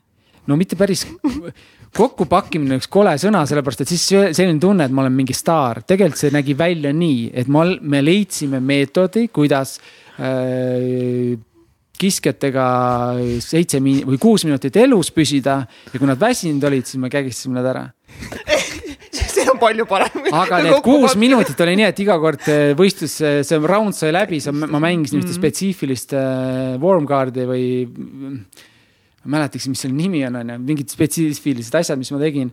ja siis äh, Priit jälle ütles mulle, et nüüd veel järgmine matš uuesti. ja sa, sa tuled matšilt ära, tead, sind ära ei lohista, su käsi jalgu ei tunne ja siis sa tead, et aga no umbes kakskümmend minutit hakkab jälle vereliiklus ilusti, sest, sest vastane hoiab sind nii kinni nagu ei, noh, tema ei mhm. loobu. oota, aga nood vennad siis on nagu, olid nagu sada protsenti sportlased? enamus küll nii, jah, maailmaklass on. nüüd on mul nagu hästi suur küsimus. Need vennad sada protsenti sportlased, sina kakskümmend viis protsenti sportlane ja sina ikkagist kägistasid need vennad nagu ära, et kuidas sina saad kahekümne protsendiga anda sajaprotsendist tulemust? Me jõuamegi tänase teemani, mida Mihkel ütles, et mindset. vaata, kui sa, eh, kui sul on kõik munad ühes korvis, siis täpselt nad on seal korvis, et mul oli kuidagi, mul ei olnud vastutust, mul ei olnud see, et, et eh, sponsor on andnud mulle kümme tuhat eurot ja nüüd pead tulemusi tooma. ma mäletan seda, kui ma tulin Euro Euroopa meistriks, tulime ja lendasime tagasi, Portugalis toimus see kaks tuhat neliteist veebruar. tuleme tagasi, fännid vastas, lauldakse tšempioni lugu, kõik on tore järgmine turniir, mm, kui ma ei eksi, siis Itaalias äh, äh, kimonos tulin äh, teiseks, sain hõbeda ja no-keys kaotan esimeses ringis. aga kaotan inimesele, kes tuli maailmameistrivõistlustel teiseks. ja siis tuled tagasi, siis küsitakse, mis juhtus ma ütlesin, enne seda oli kõik nagu iga medal oli äge, onju. tulid mingi, oh, sa käisid võistlustel, sa oled jumala lahe ja sa oled mingi maailma parimatega seal rapsinud ja see, saad hõbemedal, siis öeldi, et aga mis valesti oli, mis sel päevas siis nii valesti oli, et see, kuidas see ebaõnnestus. et see oli huvitav, vaata, kohe muutus. ootused ma... muutuvad nii kiiresti. ja kui sa oled proff, siis sa koged seda väga palju, et sul on juba suured ootused mm, -hmm. et mhm. võita ühe korra on väga lihtne, aga püsivalt võita on keeruline. ma olen kuueteistkordne Eesti meister. aga noh, siin, kui sa oled äh, väljas nende kollidega võidelnud, siis Eestis on natuke lihtsam. sest neil ei ole seda kogemust lihtsalt ma tihti, kes mu matši on vaadanud, öelnudki, et ma lihtsalt itsitan seal, sätin soengut ja tegelikult on kõik sama, lihtsalt ma püsin hästi raudses äh, struktuuris. et kui vastane must kõvasti-kõvasti nõrgem, tal pole mingit võimalustki, siis ma annan talle see kuus minutit, annan tal võimaluse põgeneda kõikidest situatsioonist ja siis kakskümmend sekki enne seda püüan selle submission saada ja vahel ei saagi kui vastane on minu nagu vääriline ja teeb, näen, et ta teeb teistele haiget ja ta hüppab ja teeb mingeid rumalusi, siis ma ikkagi reeglina alati ei jahi sellist kiiret submission'it, see on kole minu arust. see on nagu aja raiskamine, see on nagu, sul on võimalus, tal on võimalus kogeda seitse minutit mingit väga ägedat pressure'it kogenud inimeselt ja siis ma võtan talt selle võimaluse ära, et kui ma tahan, et oleks tulevikus hea võistleja, siis ma pean, pean aga ärge saage valesti aru, võitlussport on ettearvamatu, prõks kuskilt võib midagi puruks minna, sa kui sul läheb midagi puruks ja sa, sa jätkad, sa kaotad. no see on fakt kõige lahedam tunne, no mitte kõige, võib-olla kõige lahedam alguses, kui sa ei ole kunagi seda kogenud, ongi see, kui sa nagu esimest korda mingi enda tasemel venna nagu noh, trenni käigus, kus te ei pane nagu hullu, aga te ikkagi teetegi nagu nüüd alistuse peale teete trenni. kui sa siis mingid esimesed korrad tõesti kellegi alistadki ära, kui sa esimest ja. korda saad selle kägistuse kätte, siis lihtsalt see kuidagi see, see oli ka nii noh nii fucking hea tunne, aga noh, minu trenni kogemus on ikkagi see et, et üheksakümmend üheksa protsenti ajast poisid viskavad mind ühes suunas ja teises suunas ja kõik elumured, kõik mõtted, kõik stress, kõik asjad, mis elus toimub, kaob sel hetkel kohe, kui sa mati lastud. see on üks väheseid asju maailmas, mis viib nii mõtted täiesti eemale kuskile kõigest, mis su elus toimub. vale võib-olla nii-öelda vähesed, kes sõidavad jalgratast, kogevad midagi sarnast. ei no see, mis mina olen kogenud. aa, okei okay,, kui sina jah, sest muidu yeah. see, see fookus on nii äge. sitaks asju muidugi, mis ja, inimesed viib eemale. mis selle tohutu hea flow ju tekitab, ongi, et on äh, mõnus kogus äh, riski, teadmatust äh, ja selline, sa tahad ennast seal teostada, sa ei taha ju ka nagu kuule, enne kui me saadet üles paneme, peaks 3D-lt mingi raha küsima või midagi, et siin praegu nagu räige promo käib lihtsalt. siin käib korralik Eesti nagu džitsi tase tõuseb. kõige naljakam on selle juures see, et ja siis ma ütlen veel, et ma ei ole sportlane, tegelikult see, ma ütlengi, et see oligi üks väga äge tööriist. ma olen, ma olen nii tänulik, et mu kõrval olid inimesed, kes ütlesid umbes, et no mis sul kaotada on, et proovi, vaata need, ma ütlen, need fight'id on nii toredad, see, see MMA matš, mis ma kaotasin kaks tuhat üksteist, see on üks ilus asi sest kõik arvasid, et ma olen väga hea nagu maadleja. ja tuli välja, et ei ole, ma olen selle tüübiga korduvalt pärast hiljem kohtunud džitsis. ja siis eh, noh aga tead mida, keerame siinkohal üldsegi keerame nagu, keerame lehte. ärme keera veel lehte, ma tahan ikkagist teada nagu ja. nüüd sellele, mis värk selle mindset'iga ikkagist oli nagu. aa, no selle mindset'ini ma tahtsingi nüüd minna. aa, tahtsid minna? aga nagu tsits kõrvale jätta, üldse rääkida mindset'ist. tsits on äh,. tsits on andnud seda, seda mindset'i. võib-olla ei pea kõrvale jätma, aga nagu üldse nagu see, et äh, natuke sinu lapsepõlvest, et mingil määral nagu kui mõelda nagu läbi, kuidas sa juba nagu ka oma esimeste kaotustega suhestusid, on ju, kui sa rääkisid, mis ja. sa järgmine päev trennis kohe, et üldsegi nagu, et ähm, mis sinu noores põlves sinu maailmapilti ja mõtteviisi mõjutasid? kui sa olid noore, noor poiss, mis iganes vanuses, ma ei tea, viis, kümme, viisteist? no, noh, see, seda sporti algust tegelikult ju ei olnud üldse. ma mm -hmm. olen, ma olen Raplast pärit, nagu ma ütlesin, mind on ema ainult kasvatanud, mind ja mu õde. ja ei ole seda ka, et ma oleks pidanud lapsepõlves õega nagu võitlema, kes mul oli vanem, oli vanem õde. no ma olin ikka väi-, ma olin algul väike poiss aga mind äh, mõjutas väga see, et äh, mis võib-olla tagantjärgi on tohutu tugevus, et äh, kogu see peretraditsiooni, mul ei olnud seda. ma, ma hakkasin, ma tunnen seda, et sealt, sealt tuli see alge, et ma hakkasin vaatama teisi inimesi, kui me rääkisime võitlusspordist, et kuidas nad liiguvad, siis ka endal isa ei ole, siis isa on, isa on elus, aga isa ei kasvatanud mind, siis sa hakkad teiste sõprade isasid vaatama Need on ju erinevad, vaata. ühel on nii, et ema toob, viib emale kogu aeg lilli, teisel on nii, et ei vii kunagi emal lilli. üks jääb kogu aeg hiljaks, üks on ülitäpne, üks võtab alati mind kui sõbra, sõpra igale poole kalale kaasa, sinna-tänna. võib-olla see inimeste õppimine, mulle tohutult meeldis see mm, inimestega suhtlemine ja ma sain kõikide vanematega mega hästi läbi, kõik rääkisid, Mardu on nii tore. et nii tore, nii tore poiss, vähemalt sellist tagasisidet, võib-olla nad tagasi jälle rääkisid midagi muud. aga ma olin selline jutukas ja et ma mäletan lapsepõlvest väga seda, et ma justkui nagu igatsesin, et mul ei ole isa. aga samas mul oli palju isasid, et kui ma mõtlengi oma noorusaja suhteid, siis äh, ma sain nende vanematega mega hästi läbi, mind, ma olin igal pool kaasas. et kummaline, võib-olla ma kogesingi nagu mitut isa korraga, kuigi mul nagu kodus ei olnud isa. ja ma arvan, et see ei ole, et see on terve Eestis on täis noori, kes on üksi ka või noh et sa Mhm. pididki, see oli teistmoodi. Aga mul alati lasti, ei olnud see, et äh, mul oli nagu isast puudus, sest mu ema hästi, oskas väga hästi seda ära lahendada kuidagi.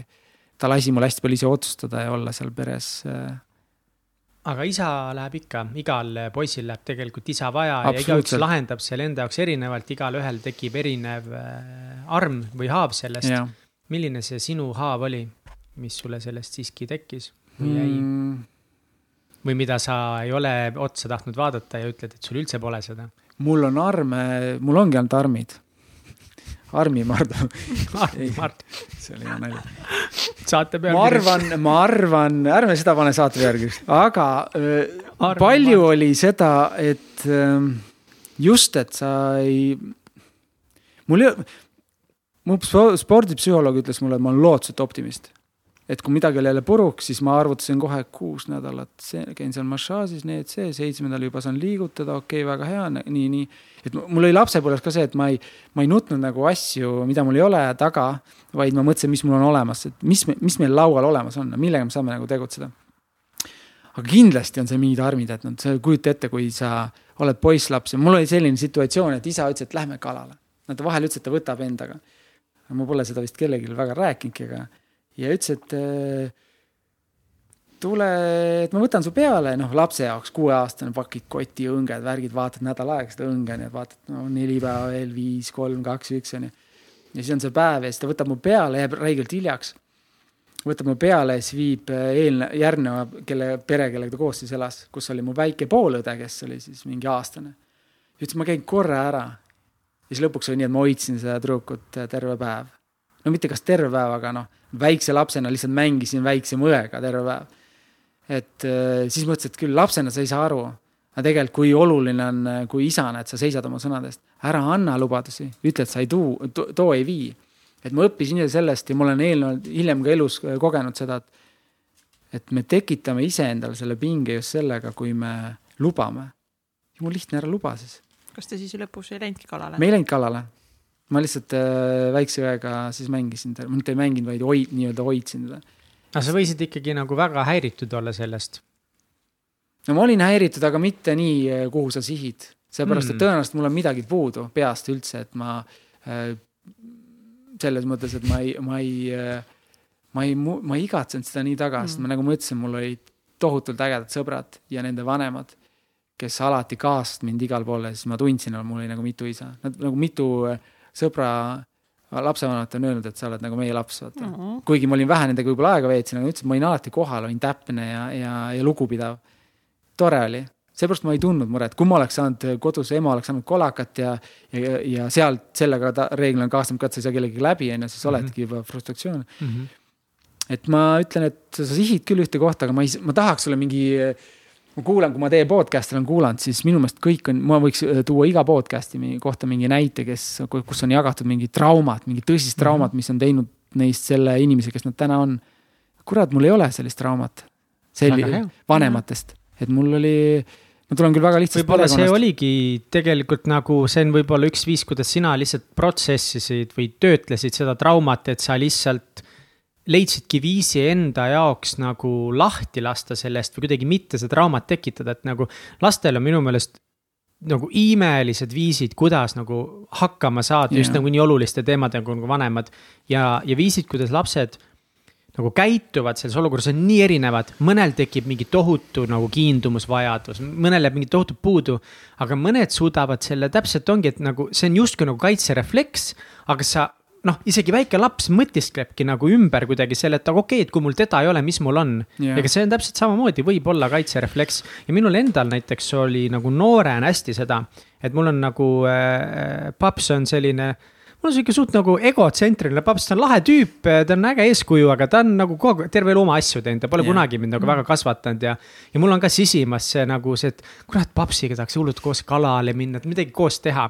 aga kui ma olin noorem, siis ma nagu nägin ka, et okei okay,, aga mida see kõik võimaldab mulle, mingi vabadus, oma asju teha yeah., ma olen nagu nüüd hiljem hakanud aru saama, et kurat, et lapsena ma olin sitaks õnnelik, aga nüüd ma hakkan tundma, et tegelikult tahaks isaga rohkem aega koos, tahaks rääkida mm., arutada aga asju., te elasite, te elasite koos kõik? jah, jah. ja, kõik laseme koos. seda ma nägin väga palju, et, et mõne lapse, mõne sõbra isa tal oli lihtsam minuga suhelda kui oma lapsega, sest oma lapsel on nagu pikem lugu ja vastutus ja kui midagi on tuksi läinud, siis tal on keeruline võib-olla seda lahendada. aga kui keegi astus uksest sisse, kes oli sõbra-sõber, siis oli lihtne sweet talk'i ja kõik see, vaata. palju lihtsam, võõraste inimestega on mega lihtne rääkida. selle osas? mina olen ka üksik laps emme üksinda kasvatanud ja täitsa üksi nagu selles mõttes ilma isata ja ilma nagu õdede ja vendadeta ka nagu üksinda, ma olen väga eh, tänulik nagu oma emmele, eh, kes mind nagu väga hästi on kasvatanud, aga mina ei tea oma isast eh, midagi ja sa ei ole püüdnud kuidagi äh.... tead, ma ei ole, sellepärast et nüüd on, saab põnev olema, kui mu lemp seda saadet äh, kuulab, tšau sulle. et äh, mul on olnud kuidagi praegu piisavalt palju nagu respekti oma empsu vastu, et kui ta ei ole mulle tahtnud midagi rääkida, siis ma ei ole küsinud. ja ma tean, et mul on kindlasti nagu väga suured traumad sellest ilma mm -hmm. siis mees eeskujuta kasvamisest. aga ma tunnen, et ma lahendan need kuidagi muud moodi ära nüüd. ma arvan isegi selle aasta jooksul kasutades nagu muid teisi inimesi ja, ja kui emme tahab mulle kunagi sellest rääkida, siis, siis me räägime Aga.... see on, see on väga hea teema, sest ma ütlen, et eks siin on, elu viskab meile igasuguseid asju ette, no selles mõttes, et ei ole mingit programmi, et keegi selle tekitab, eks me ise selle valime, kas mm -hmm. siis mhm. lapsena tunda seda või hiljem, et millest ma täna kindlasti hiljem räägin ka, et oma selle, oma sellisest, miks ma spordist edasi liikusin ja noh, mhm. kakskümmend viis protsenti pärast spordist edasi mhm. liikusin. aga see aeg iseendaga ja ma olin selline laps, kus ma väga palju veetsin, mul oli palju sõpru ka, aga ma tahtsin oma aega teadlikult lapsena. nii naljakas, kui see ka pole. mõni ütleb, kuidas see võimalik on, et mulle meeldis ise nokitseda, mu vanem, ema ütles ka.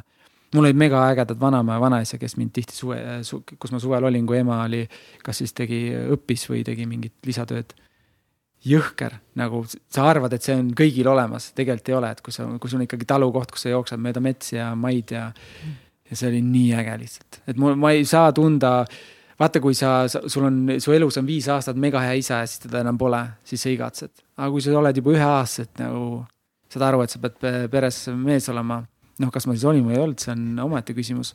aga sa, sa, see on kuidagi teistmoodi, vaata, kui sa, su elus on olnudki, nagu ma ütlesin, viis või kümme aastat väga hea isa ja siis vanemad lähevad lahku, siis on keeruline kindlasti. ja ma arvan, et see võib küll keerulisem olla mõnes mõttes jah ja see A muutus on nii suur siis. jah, sa, sa ju kont-, kontrastid vaata, et millega sa võrdled. et. ja see on ka see küsimus, et miks see nüüd juhtus, on ju. jah, kas see juht-, tihti on ikkagi lapsed hakkavad ennast, isegi kui nad ei tea, neil ei ole olemas seda veel, et nad oskavad öelda, et kuule, mina ei ole süüdi. see on kõige veidram asi, et see on üks asi nagu, nagu ma enne ütlesingi, et lastel on uskumatu võime igasugused suvaseosed luua, et see, et väiksed lapsed nagu nii tihti tunnevad ennast kuidagi süüdi, lihtsalt ei mahu pähe mulle.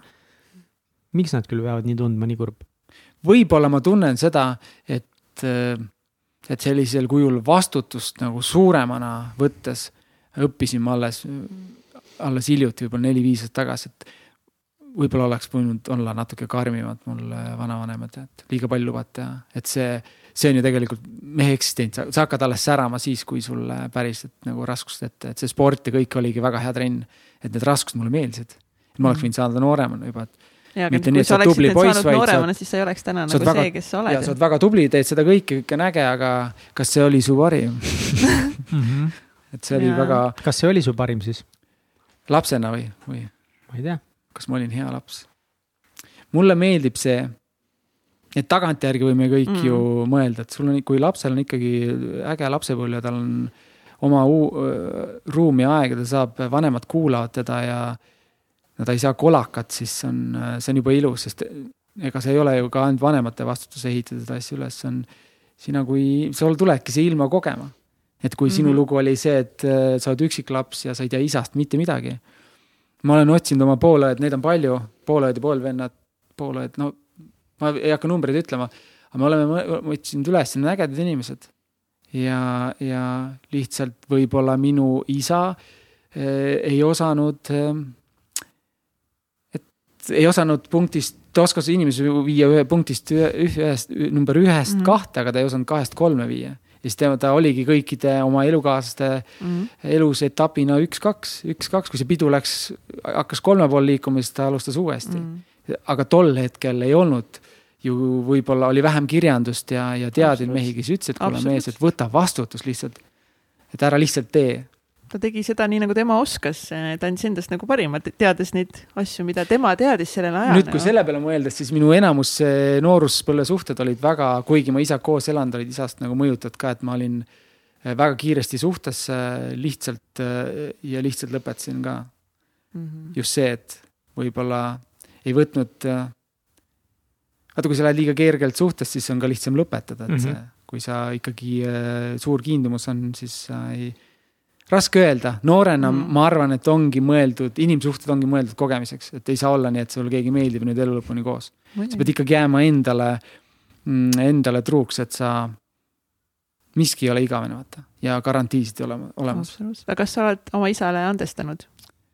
ja, ma olen korduvalt äh, saanud kokku taga ja küsinudki, et, et mitte nii, et süüdistavalt mm. ja võttes mingit seisukohta, vaid lihtsalt, et mis juhtus, kuidas sa ise kirjeldad seda ja, ja tema, tema puhul on, tema peegeldaski seda, et, et ta, kuna ta oli probleeme alkoholiga, nagu sellel ajal, kellel ei olnud, siis ja. see sai mingi, see sai noomituse. see sai medali ei, sai noomituse, mis sul viga on. ja, ja siis ta ütles ka, et ta kartis oma isa järgi, kes oli alkohoolik, aga edukas inimene.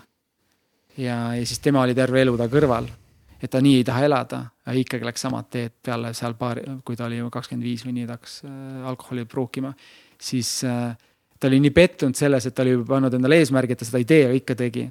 ja mina ise olen nii, et ma ei joo alkoholi juba viimast mingi kümme aastat ja, ja, ja mulle meeldib see värskus. üldse mitte? üld-, no naisega, kui me läheme heasse restorani, siis ma tellin klaasid kokku lüüa, aga see, tihti see jääb alles. ja siis äh, ja see ei ole, see ei ole isegi isaga võib-olla seotud, aga mingil määral ma nägin, mida see elustiil, et see kõik tundus nii fancy, kõige ägedate inimestega koos peod, aga üks hetk saavad peod läbi, mis siis saab mm, -hmm. et kes sa siis oled. pidutse, aga pidutse niimoodi, et sa peale seda oled ka keegi. ja, ja, ja ma nägin seda ja kui me rääkisime sellest, ta ütleski, et ta ei oska ja ma nägin seda ennast nagu kuueteistaastasena, et, et ta, ta ei oska sinna kolme juurde minna, aga tegelik kaif elu hakkab seal viie ja kuue juures et kuidas sa päriselt näed, et sa võtad vastutuse, lapsed, kasvatad, keeruline olukord.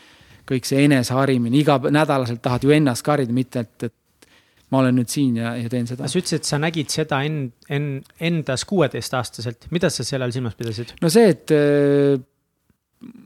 et ma noh, ikka see, et, et ma ei mõelnud läbi võib-olla ja ka natuke hiljem, et suhteid ma ei mõelnud äh, ma käitusin võib-olla mõtlemata, mis teis-, kuidas teisel poolel see haiget teeb või. kas sa olid natuke tropp?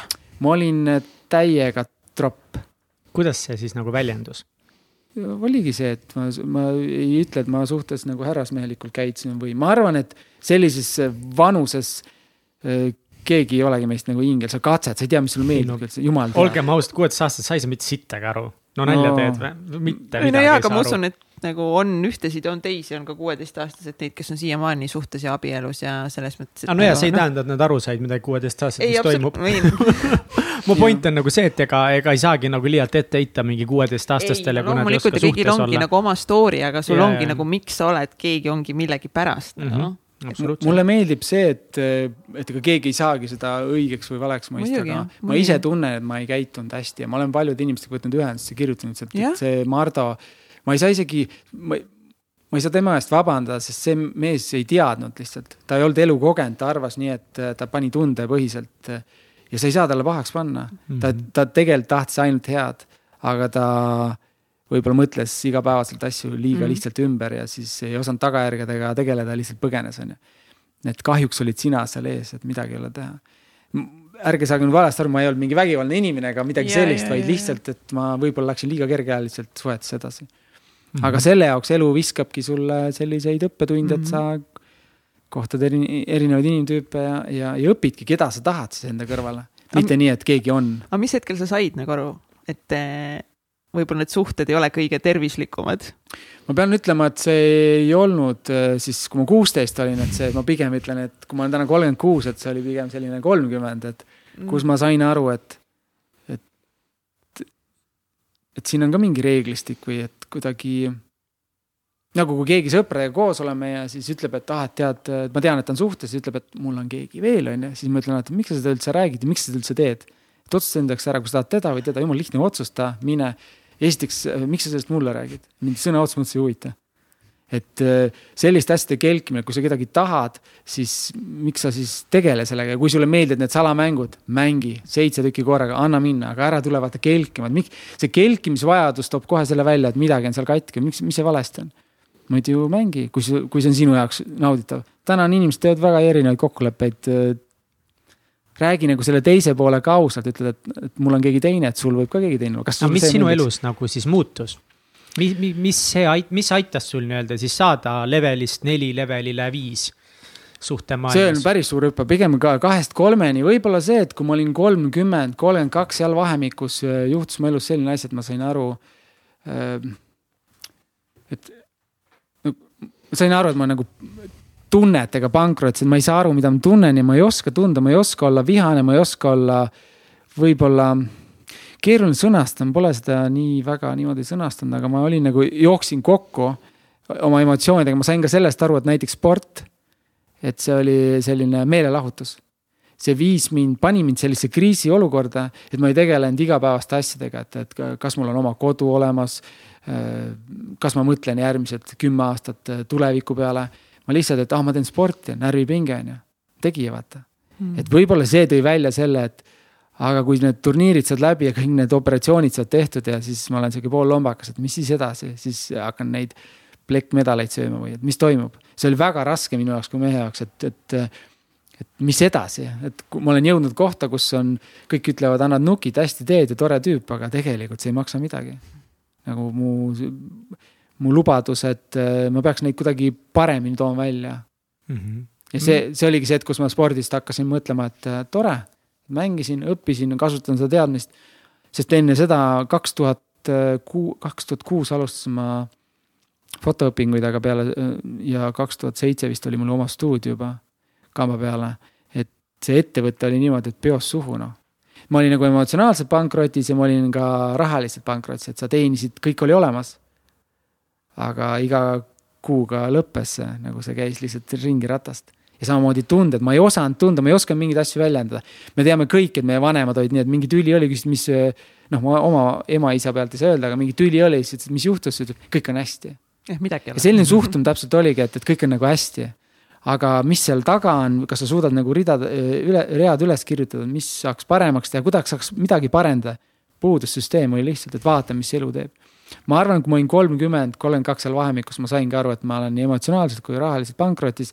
ja nüüd on küsimus, et äh, mis edasi, kuidas ma seda lahendan.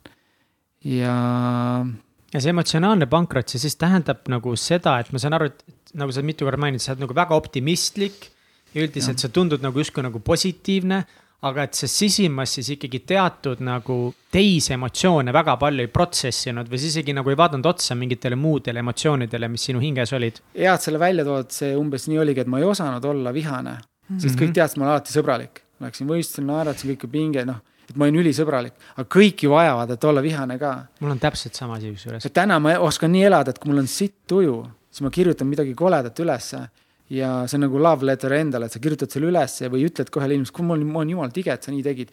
aga ma olen tige, sest sa tegid seda, seda, seda. ma lihtsalt ei hüppa kellelegi kraesse, vaid ma annan talle nagu tagasisidet. aga need töötavad samamoodi. seega ma hakkasingi lugema selle kohta, et kuidas, kes ma olen ja kuidas ennast väljendada, sest minu jaoks oli see vale, et ma käratan kellelegi. et suhetes ka keegi äh, elukaaslane, eelnevad elukaaslased tõstsid mu hääl, mul, minu poole häält või minu, minu pihta häält, siis ma ütlesin, mis sul viga on, sa olid enne nii normaalne Mm -hmm. Teil küsimus oli ju minus, minu käitumine tõi selle mm -hmm. esile. sa näitasid peeglit lihtsalt sulle. nii mingi veider, et mingi, miks Mõt... inimene üldse karjub, et mis sa oled jumala katki, sa nagu parandame ära su, et. Äh, see oli huvitav, jah, kõik need asjad jooksidki kokku, et ma sain äh, aru, täna ma saan rohkem aru kunagi äh, varem, aga endiselt see on nii, et mul on nii palju õppida, ma olen sihuke paari protsendi peal inimsuhted mm. -hmm. ma suudan vestluses olla nii, et ma kuulan täna ka ja ma nagu ei mõtle oma mõtete peale, vaid ma suudangi kuulata ja mõtlen, mida tema tunneb sel hetkel, kui ta väljendab ja ma lasen inimestel väljendada, kujuta ette. ma olen kolmkümmend kuus ja alles äh,, alles viimased paar aastat tohutu kasvu olen ma teinud tänu oma praegusele elukaaslasele, et ma saan aru, kui ta midagi väljendab, siis ma kuulan teda. vanasti, kui ta väljendas, siis ma arvasin, et see on rünnak mu pihta, nagu automaatselt, sajast sada. kõik tulid koju, sa oled ju, sa oled teinud tööd, sa oled superstaar mm., tuled koju, siis ütleb jälle tulid hiljem. see on tegemata, sa lubasid seda, sain aru kohe, et ära lihtsalt, võib-olla mind äh, oligi õpetatud nii, et alati, no küll kõik läheb hästi.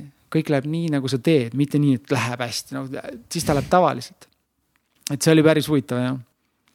aga selle jaoks oli vaja inimsuhteid mm.. ma arvan, ma olen täna äh, parem sõber ja parem elukaaslane kui kunagi varem just sellepärast, et äh, minu ümber olid inimesed, kes ausalt andsid mulle tagasisidet ja ma õppisin mm. seda Mm. võtma.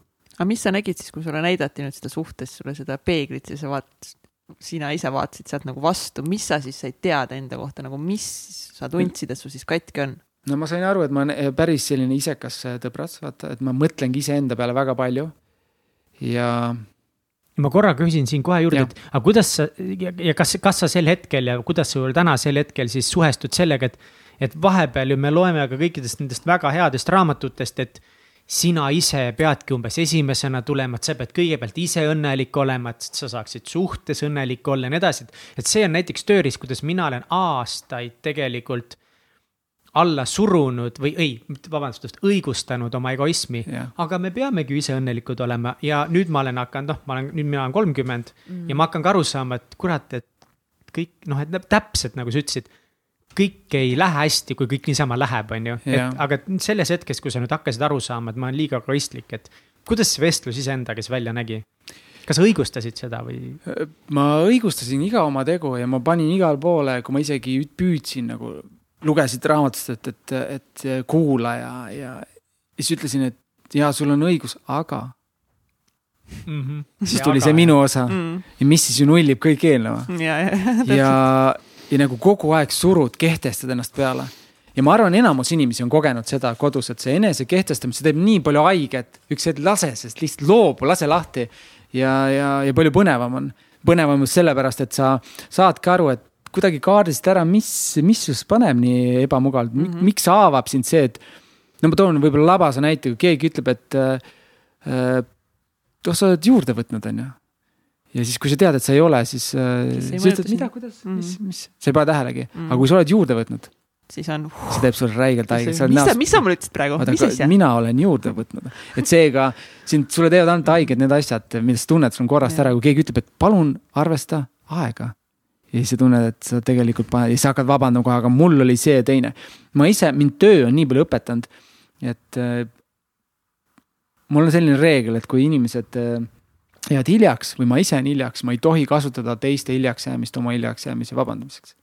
et ma ütlen, et aga eelmine klient jäi hiljaks, siis ma ütlen lihtsalt, ma arvestasin aega valesti, ma väga vabandan, ma jäin hiljaks. ma parandan ennast, aga vanasti oli, aga tema jäi hiljaks, ma jäin sellepärast hiljaks, tema jäi ja siis ongi kellegi teise kogu aeg, teist, teised tood teisi kogu aeg näiteks, et miks, miks keegi midagi jäi tegemata, et see oli väga raske, see oli tohutult keeruline ja väga hirmutav, see esimene, see pankrotiaasta, et sa saidki aru, et sa tunned mingeid tohutult palju tundeid. me oleme väga hästi õppinud väljendama rõõmu, et, et kui keegi meile hästi ütleb midagi, ütleb komplimendi, et sa näed hea välja või sul on äge, äge, äge pintsak on seljas, et oo aitäh, onju. aga kui keegi ütleks, et see pintsak ei sobi sinu äh, nagu jalanõudega, siis ütleks, mis sul viga on, vaata. et me ei os-, mina ei osanud väljendada. ja võib-olla tuleb see perest, et alati oli sihuke positiivsus tegelikult me lapsena oleme väärt ka seda, et me saame pe- sõna otseses mõttes omaealiste käest kolakat. me õpime ennast kaitsma, keegi ütleb meile halvasti, me ütleme vastu, meil tekivad seal mingid, ma ei tea, lasteaia või kooli tasandil mingid probleemid, mida me peame lahendama, see on trenn eluks. ma ei ole nagu täielikult nõus, kuidas seda esitasid, sellepärast et ähm, ma arvan, et see ongi natuke see probleem, et äh, lapsed nagu jah, kindlasti lapsed peavad. aitäh, Egert, näed, mul on mikrofon all. sul on eh, mikrofoni ingel. mul on mikrofoni hingel et äh, okei okay, ja muidugi me peame õppima ennast kaitsma ja lapsed ei peaks elama mingis roosas mullis. aga just see, et see oluline osa, mida sa praegu räägid, tegelikult jääb ka laste kasvatuses tihti puudu, et kui näiteks nüüd kaks last on konfliktis, siis mitte see, et ah, sa oled ise loll, ma nüüd õpin kaitsma ennast, mitte ma ei tõmba pead longu Jah. aga kus kohas on see koht, kus me räägime sellest emotsionaalsest tasandist, see on see, millest sina praegu räägid, sa räägid sellest, et sa mitte, sa lõpetasid enda kaitsemise, vaid sa hakkasid otsa vaatama, et mis on minus puudu ja mis on Iseendale, tolles inimeses puudu. ja seda ei õpetada tegelikult lastele. ma kindlasti ei lase kellelgi endast üle sõita, aga ma kuulan ära, vaata mm. -hmm. et kui keegi ütleb, et äh, mulle meeldib ise seda teha, et mingi, tuled koju ja, ja teine pool ütleb, et see, see, see. ja, ja siis sa ütledki talle, et, et aitäh, et sa seda väljendasid, aga mida sa tegelikult noh, ma saan, aitäh, et sa oma tundeid väljendasid, ma saan aru, milles on probleem kõik, aga mis sa sellega öelda tahad, kuidas ma saaksin praegu aidata? ma ei püüa seda isegi nagu ära lahendada, vaid mina kümme aastat tagasi ja täna need noh, see vanasti oli minu jaoks hiina keel. nüüd on Mm. nii, et äh, aga Mitte- ikkagi need hetked, kui sina vaata, sina hilined, on ju, sina tegelikult murrad mingeid kokkuleppeid suhtes, et sa ikkagi olid tööl kauem, sa ikkagi tegelikult mõtlesid see mingi Siin tööasja peale rohkem ja ma arvan, kujutan ette, et seda juhtus palju, et ikkagi noh, ettevõtja elu, on ju. jah, ta on, see on, need on kõik, kõigil vaja need võit-, võitlused ise ära võidelda ja, ja saadagi aru sellest. mõnel tuleb see emapiima kaasa, ta on näinud kohe, kuidas isa kohtleb ema ja ema kohtleb isa, et seal ei ole sellist väärkohtlemist mm..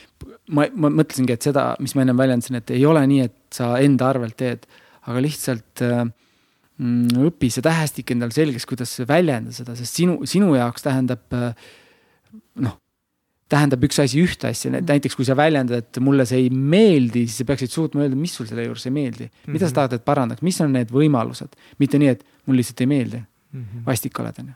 kuidas sa oma ego hakkasid äh, nii-öelda, võib-olla väiksemaks teha on vale sõna, sest nagu ego tuleb ainult suuremaks kasvatada, kuidas sa õppisid nii-öelda oma ego panema ka selle teise inimese ego kõrvale või et tekitama seda ruumi, kus siis mõlemad tunnevad ennast äh, teretulnuna.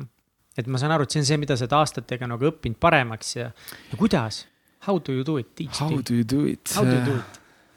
ma ütlen ausalt, et äh, oma egoga koostöö, see on äh, lapsekingades. et kui ma midagi uut jälle kogen, siis ta alati tuleb välja, aga lihtsalt täna ta ei jõua võib-olla nii palju avalikkuse ette enam. ja ma ei kannata, ma ei ole see, ma olen kindlasti see inimene, et kui ma annan mingi lubaduse, ma teen ära. ma ei lase inimsuhteid äh, nagu, ma ei lähe lihtsalt närvi, ei lähe uksest välja ja nüüd ma enam ei suhtle. ma suudan kuidagi täna seda paremini ohjeldada. mulle väga meeldib äh, kuidas osad inimesed on seda ka väljendanud, et et ma tean oma nõrkust on see, et ma olen kergelt ärritun ja ma tunnen sees hästi suurt kui ma tahan midagi väga hästi teha ja see ei õnnestu, siis mul on kohe nagu kehv olla. ma tean, et see eksisteerib, aga ma oskan sellega paremini täna hakkama saada. Et seal ei ole mingit koodi, et tee seda või teist või Mm. joo seda, see hakkab sul parem, vaid pigem on see, et sa saadki aru, sa oled hakanud õppima neid halbu tundeid tundma ka ära. ma ei pane neid kuhugi riiulisse, et mulle meeldib see, et äh, kui nagu sa ennem tõid ettevõtja, siis siin on väga palju losse ikka.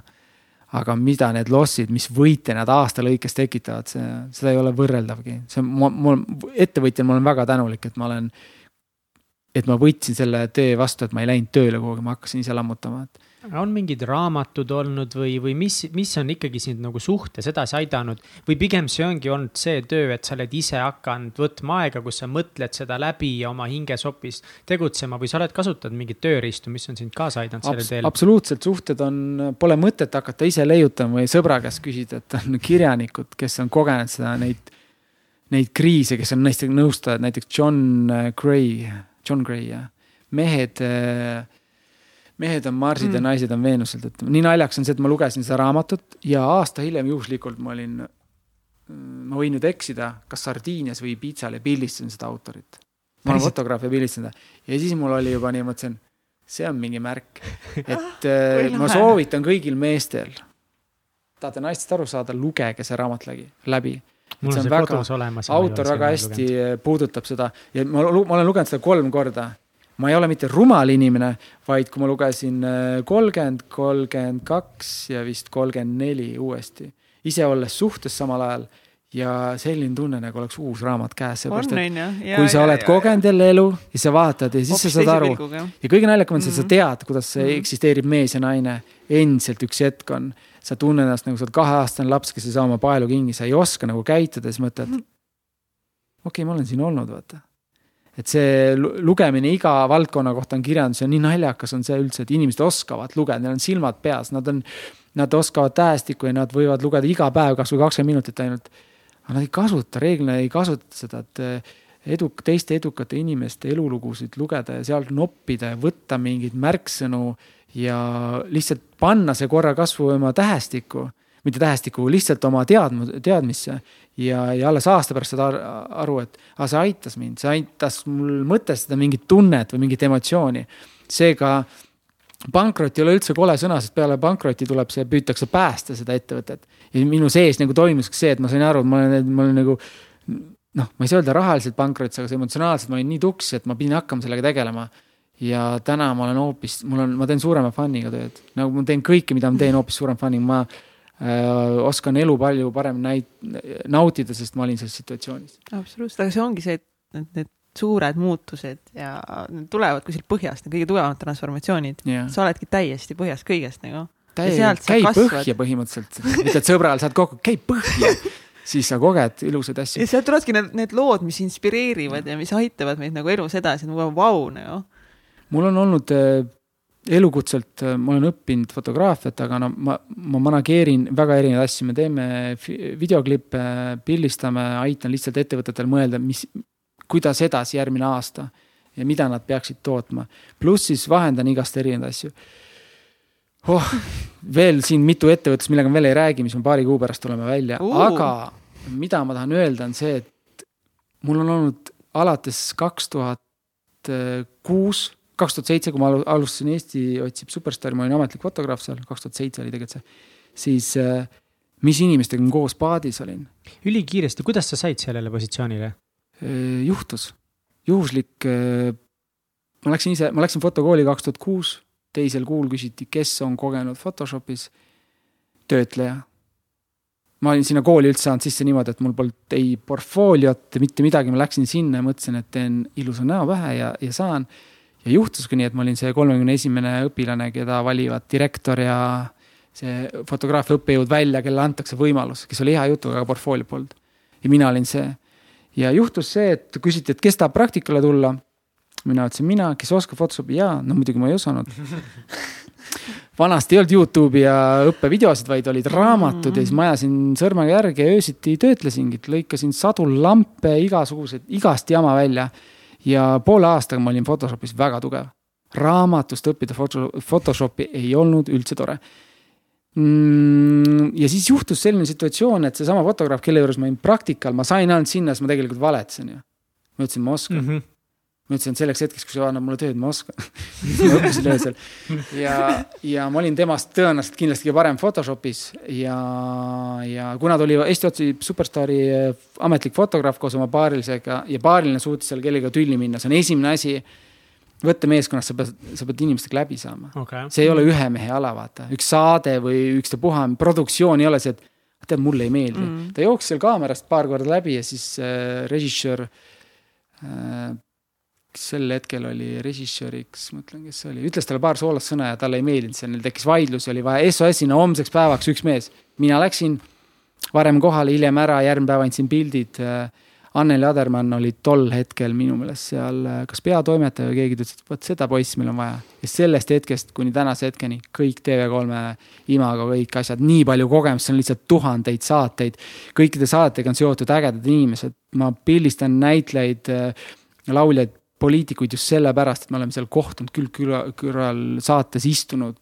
üliäge, vahetan mõtteid, sest palju on ju saate vahel sihukest tiksumist ja nagu ma ütlesin, ma lapsena äh, vaatasin sõprade isasid, et nad on nagu mulle isadena, siis ma samamoodi küsisin igast valdkonnast. ma ei tee nalja, et minu investeerimis mm,, nii-öelda investeerimisharjumused on pärit Rain Lõhmuselt, kui ma pildistasin teda kaks tuhat üksteist aastal tema enda kontoris, seal veel ei olnud valmis ehitatud, istusime maas. tegin ühe ajakirjale esikaane pildi tast ja täiesti lõppenud, ta küsib mu käest, et Mardo, joome selle kohvi, sekretär tõi kohvi, istume maas, see oli nii äge hetk ka, see hull vaade on ju. ütleb, et, et mis sa teed? siis ma ütlesin, super busy olen, ma olen iga päev nagu rahminud siin, pildistan seal, jumala lahe on, teen seda, teist ja kolmandat. ja siis Rain küsis mu käest, et busy doing what, et kas sa tahad viie aasta pärast niimoodi rap, rappida lihtsalt noh, üritusi pildistada. siis ma ütlesin, et jaa, muidugi aus, aus vastus. ei, ei mina, mina ja, ja, ja mina ja siis äh, rääkisime seal natuke, mis on äh, väärtpaberid ja asjad, ma ütlesin ja, ja, ja, ja, noh, tegelikult ma valetasin kõige kohta, läksin koju ja nutma ei hakanud. saingi aru, et ma ei ole üldse tuleviku peale mõelnud. ma teen, ma lihtsalt kulgen oota,. mida sa tegelikult siis tundsid, kui sa koju läksid? no ma tundsingi seda, et, et tegelikult see ei ole see, mida ma tahan kümne aasta pärast teha.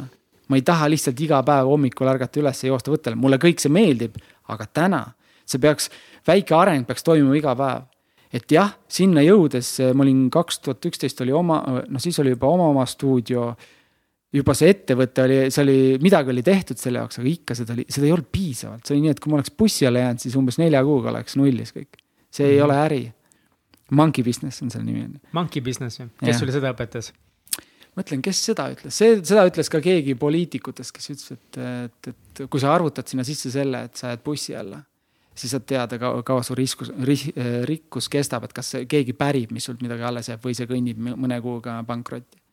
et kui sa kõiki asju ise teed, siis tavaliselt nad on kuu aega on vaikus mm. -hmm. see oli kaks tuhat üksteist, sa ütlesid, sa alustasid kaks tuhat kuus põhimõtteliselt oma karjääri alustasid. läksin fotokooli, kaks tuhat seitse oli see esimene TV3 asi ja peale seda äh, noh, sealt TV3-st arenes palju asju veel, mingi mm -hmm. Soome mhm. saated mm -hmm. ja kõik see. sa olid neli aastat selles mõttes nagu rabelenud kõvasti ringi, see oli kindlasti hullult lahe ka, sest noh, ma arvan, et äkki neli aastat veel ei olnud nii pikk aeg, et sa olid tegelikult juba sisimas läbi põlenud, et sa nagu pigem võib-olla olid kogu selle melu keskel, aga esimest korda siis äh, oli Rain Lõhmus see, kes pani sind tõsiselt mõtlema, et kas sa niimoodi tahad jätkata. selle Raini, Raini kõrval oli väga palju teisi inimesi ka, aga ma, mida ma tahtsingi tuua välja, et iga kord, kui oli pildistamine, siis me rääkisime ja inimesed tõid välja, vaata tihti on see, et sa näitad ainult seda koorikut on ju, et noh, mul on kõik hästi, kõik on hästi, vaata.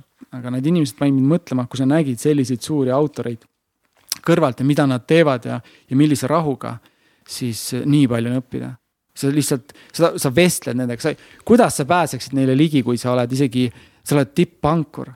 sa ajad iga päev seda raha taga, sa ei näe seda sotsiaalsust üldse. Need võtted ja kõik see õpetas mulle, et sa peadki, õpetas mind olema varem kuulaja ja kuidagi, see oli täielik nagu ülikoolis käid haridus, noh, iga kord olid nii ägedad vestlused.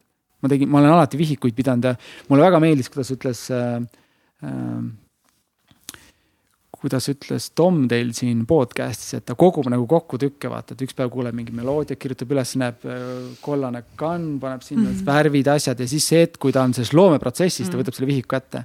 et mul on samamoodi, ma igast päevast kirjutan midagi, luulet, igast jama, keegi ütles midagi naljakalt, lugesin hommikul, ma loen iga hommik mingi hetk äh, raamatut. panen näited üles, täna it doesn't make sense mm. -hmm. nädala pärast vaatad, see pusle käib kõik omavahel kokku et mulle meeldis see Tommi sõnastus just, et äh, Reketi sõnastus, et näed, et äh, usalda üks hetk, need tükid käivad kokku ja samamoodi nende inimestega rääkides ma kogusin sihukest varamut, nende infot.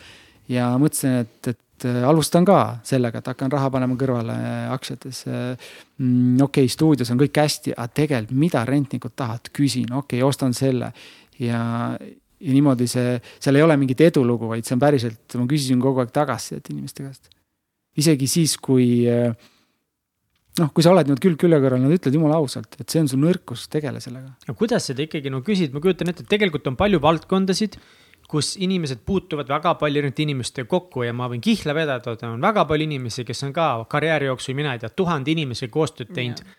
ja nad ei tea mitte sittagi nendest inimestest ja need inimesed ei tea mitte sittagi sellest inimest mis see sinu erinevus seal kohapeal siis nagu oli, mida sa tegid seal kohapeal teistmoodi?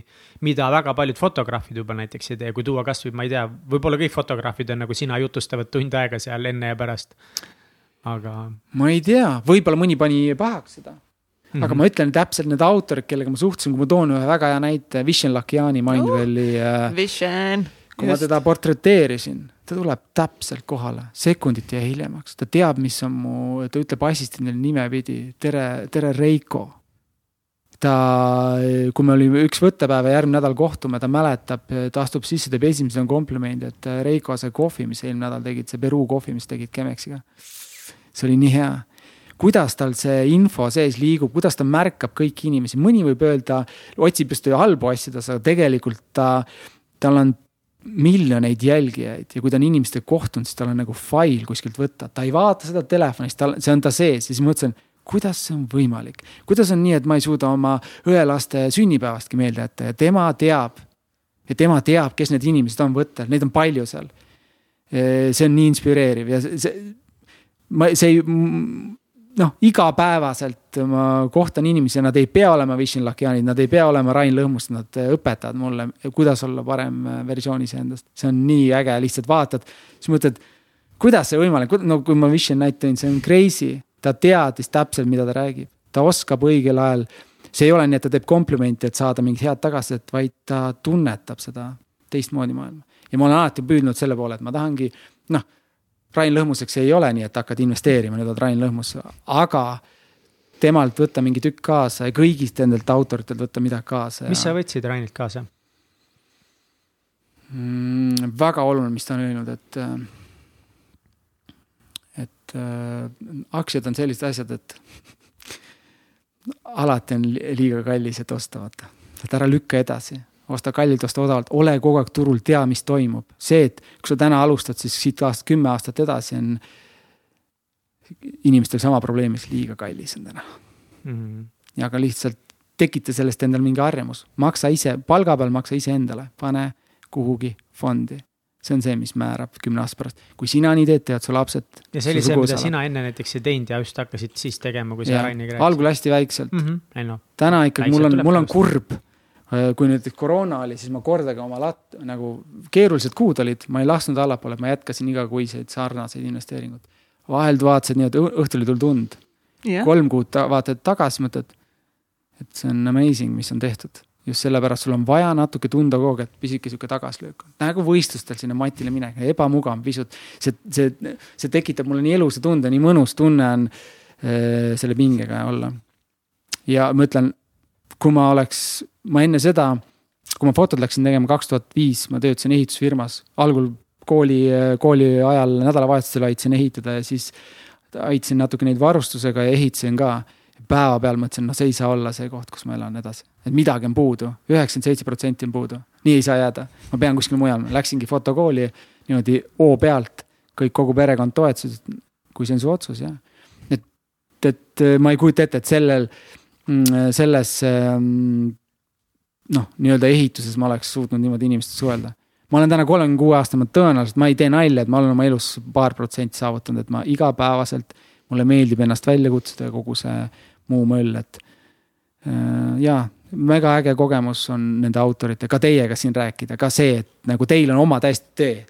Te hakkasite podcast'iga mm, -hmm. te kutsute inimesi. Kuulajad ei saa aru, äh, mis äh, kullaaugu otsast olete, te kutsute siia ägedad inimesed. Mõni teile räägib oma elust selliseid asju, mida pole kunagi peegeldanud. Oh,. Te võtate selle info, võib-olla samal päeval te tunnete, oh my god, see andis mulle nii palju, oodake, mis, nagu te ise teate, olete kogenud, mis kolme kuu, mis aasta pärast juhtub mis see on price, mis pra-, see on nii priceless. see on inimesed, see on nüüd, seda on nii palju öeldud, aga et me kõik nagu noh, kõik laias laastus, me kõik hindame üle, mida me suudame teha aastaga mm. ja tugevalt alahindame, mida me suudame viiega teha ja see on sama mm., mida ma veel mõtlen, et okei okay,, kõik on nagu tore, aga mida me nagu viie aasta perspektiivis suudame teha? Ma olen paljudega rääkinud ja küsinud, mis podcast'e kuulate, siis keegi on öelnud, et on öelnud mingi näiteks mõne paha sõna Eesti podcast'i kohta, siis ma ütlen, palju sa tead, siis ta suudab ühte nimetada, ma ütlesin, sa ei hakka kuulama, siis sa kuulad ühe ära, sul tekib nälg, sa hakkad teisi otsima, sa tead, et neid on nii palju ja nad räägivad yeah. nii ägedat juttu, igaüks on natuke erinev. Mm. -hmm ja kindlasti ka see, et kui sa lähed podcast'i, tahad seda kiirendusega kuula ja otsid ainult vigu palju õnne, siis sa need vead saad. Ja siis kuula kasvõi viieteistkordse kuigi sa, sa pead, ära võta seisukohti, vaid eh, ma ise olen seisu, seisukohtade võtmise maailmameister olnud, aga nüüd ma täna tunnen, et, et ma alati mõtlen, et mida see mulle õpetas, et mul on üks ütlus, mis on mega cheesy, et. Eh, oh, mu lemmikud, nii. kõige parem, selle võib panna, selle võib panna selle ütluseks, et, eh, et see ei ole, no okei okay,, see on nii, see ei ole minu öeldud, see on keegi maailmas on öeldud, aga nii. et kui probleemi saab lahendada nagu rahaga, siis ei ole probleem. See ei ole päris probleem. et noh, et mm -hmm. kui sa saad rahaga midagi ära lahendada, et sul on probleem ja see on rahaga lahendatud, siis parem ära räägiks, sest siis ei ole probleem. aga kui mul ei ole raha? vot kõige naljakam on see, et kui mul endal nüüd autol läks neli vedu katki, siis ma mõtlesin nägin seda arvet, mis tuleb tasust, mõtlesin, see ei ole probleem sisendasid endale käed värisesid pisarad voolasid. ja kõige naljakam ongi see, et see on ju, ma olen selle moto järgi elanud, mis sul nüüd viga on, miks on ja, ja õpige arveid maksma mida suuremaid arveid sa maksad, sa näed, et eh, su, su potentsiaal on palju kaugemal kui see, et eh, hoiad kogu aeg endas, et me oleme tulemas stagna ajast, kus hoiti nagu kõiki asju hoiti, ka tuhat eurot sul kontol on, töötab sulle nii räigelt vastu mm.. mõtle, kus on ja jumal tänatud, kui sellest ilma jääd, kui sa valesse kohta paned, siis järgmine kord sinna nagu ei pane või. aga rääkideski probleemidest, siis sa kirjeldasid, et sa olid oma ettevõtluses ka nagu selles mõttes pankrotis, et ikkagi nagu sa ise ütlesid, et sa elasid peost suhu mm, -hmm. nii et ma mhm. tahaks nüüd kuulda, mida see siis päriselt tähendab ja mis olukorras sa olid ja mida sa siis muutsid? väga lihtne peost suhu tekib, äh, see ei ole peost suhu elamine, ei ole seotud sellega, palju sa teenid, vaid äh, palju sa kulutad, et kui sa tahad kõiki asju, sa ostad kõik asjad, mida sul vaja on, siis, äh, siis sa oledki pankrotis mm. -hmm. nii et põhimõtteliselt kõik raha, mis sa teenisid, sa kulutasid iga kuu ära ja kõik töö, mis oli vaja teha, siis suures osas sa tegid ise kõik töö ära ka. absoluutselt, ma tegin kõik tööd ise, et kui, kui me tuleme tagasi monkey business, siis see on väga lihtne, et kui me siia laua peal teeme kümme kasti, üks neist on raamatupidaja töötleja, fotograaf, produtser, produtsent, koristaja ja kui sul sinu öö, igas ruudus on ikkagi sinu nimi, siis palju õnne, siis sa oledki ju kindlasti aastaga emotsionaalselt ja, ja ka öö, rahaliselt pankrotis. et õpi usaldama, õpi usaldama teisi. kuidas see sinu jaoks läks, see teiste usaldama õppimine ja teiste kaasamine. Ja ka, mis kindlasti ma arvan, on raske, mis ma ei kujuta ega, kogu see delegeerimine, panna see süsteem paika ja delegeerimine paika sa saada. praegu kirjeldad minu äh, viimast äh, kolme kuud, kus asjad on nii hullult kasvanud, et ma olen pidanud endale võtma inimesi juurde tööle, kas siis osaliselt või see on olnud nii rets. Ja kõige hullem on see, et sa tead seda, et kui sa otsid, siis sa leiad ja esimesed viis läheb niikuinii rappa siis ikka kahtled, see ego ikka ütleb, et äh, tegelikult tee ise ära. Ja mul on raudne värk, et mingid muudatused on vaja sisse viia, ma ei vii. ma jäängi kliendile hiljaks, maksangi seal mingit trahvi, aga ma ei tohi seda ise teha, ma leian selleks wow. inimese. Ja nii ägedaid asju. veel e- kuu aega tagasi sündis üks imeline asi, et ma leidsin siuk- sellise geeniuse, kes teeb mulle tööd ja aitab lihtsalt Stuud seitsmel kasvada tohutult, sest ta oli olemas, lihtsalt teda, ta ei olnud kohe, kohe näha. ja kuidas sa sellise reegli enda jaoks nagu vastu võtsid, see on nagu päris, nõuab nagu ikkagi sihukest kuradi sihikindlust. kolmteist. aastat, kolmteist aastat, millest viis aastat ma läksin iga kord võttel nagu kaamel. kõik käed olid, igas käe otsas oli nelikümmend kilo kaamerad, asjad ja siis mõtlesin, et lihtsalt ma ei saa assistendile maksta, sest. sest eh, ma tahan seda nagu ise teenida, seda raha, et see on, see on minu ettevõtte kasvu taga. aga arusaadav ju, ma tahaks kõik raha endale. täielik täielik idiootsus, täna ma Nii. saan pildistada kaksteist reklaami nädalas. mul töötlejad teevad selle seitseteist korda kiiremini ära kui mina juba viimased viis aastat, see on, ma saan lihtsalt olla, areneda selles, milles ma olen osav. aga veel, kuidas sa, kas sa oskaksid anda nagu selles mõttes, mitte õpetada, aga anda nõu näiteks inimestele, kes võib-olla on juba ettevõtlust alustanud ja kes on selles kohas, et hakkab üle käte minema, et kuidas, kuidas nagu alustada, see on nagu lahe küll, et nüüd on seitseteist töötlejat ja kaheksa kaamerameest ja kakssada reklaami päevas ja, aga et mis see nagu, mis need esimesed sammud on selle suunas? Esimesed sammud on, et sa ole endaga aus, et äh, budget, et sa vaata, kuidas need asjad töötavad, et tihti on see, et sa kardad küsida kliendilt rohkem raha, sa tead, et ta ei maksagi rohkem. Mhm. küsi. nagu küsi aga lihtsalt, mis siis saab, kui ütleb ei? veel parem. siis saad natuke saad küsi-, sa pead kõiki asju põhjendama, minu suur viga oli nii, et nii on harjutatud te tegema, onju. see maksab nii ja naa palju, et kui suurtele klientidele ütlesid, et ma tõstaks kolmkümmend protsenti, siis need kõik ütlesid.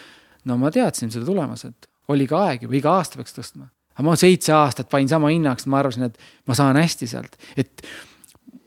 kui sa ühe kliendiga teed koostööd, siis sa muutud ju kogu aeg paremaks, sa optimeerid nende jaoks jah, aga kui sa ise seda enda jaoks ei tähtsusta ja seda selle eest rohkem raha ei võta, siis, siis äh, ega nad ise ei paku. kuigi see, see raha on lihtsalt lubadus, et mida suurem on summa, seda täpsemalt nagu teed, et mina täna on nii, et kas töö on üks euro või viis tuhat euro, ma teen täpselt samamoodi. Mhm. ja, ja ma arvan, et ettevõtjana sa ütlesid, et hakkab hapuks minema, harju ära, see ongi äh,. hapude asjade klaarimine ongi ettevõtja, keegi ei anna mulle ette, mul pole kõrgemale kellelegi helistada, kes äh, davai, et äh, tee rahasüst äh, või et Please aita nagu. kuidas ma peaks lahendama, mul on nii, et assistendid ka võttel ütlevad, mis ma peaks tegema, ütlesin. mina tean täpselt, mis sa peaks tegema. aga ma tahan, et sa mõtleks ise selle välja. ja kui teed valesti, ma ütlen sulle nädala pärast, mis õige vastus on. Sest kui ma sulle iga kord ette Jaa. ütlen, mis, mis sa tegema pead, siis iga kord, kui sa oled selle probleemi ees. aga kuidas sa kommunikeerid ikkagist nagu ilusti seda, et sa nagu ei noh, no et, et sa ei taha peab- nagu kõike nagu ette öelda, vaata. aga samas sa ei taha ka nagu, noh eriti võttel sa ei hakka ju mingi nagu. no meil on- douchebag ka ei taha meil on nagu olla. tagasisidepäevad, siis ma ütlengi, et äh, võttel sa ei tohi teiste ees kunagi seda öelda, see on alavääristav.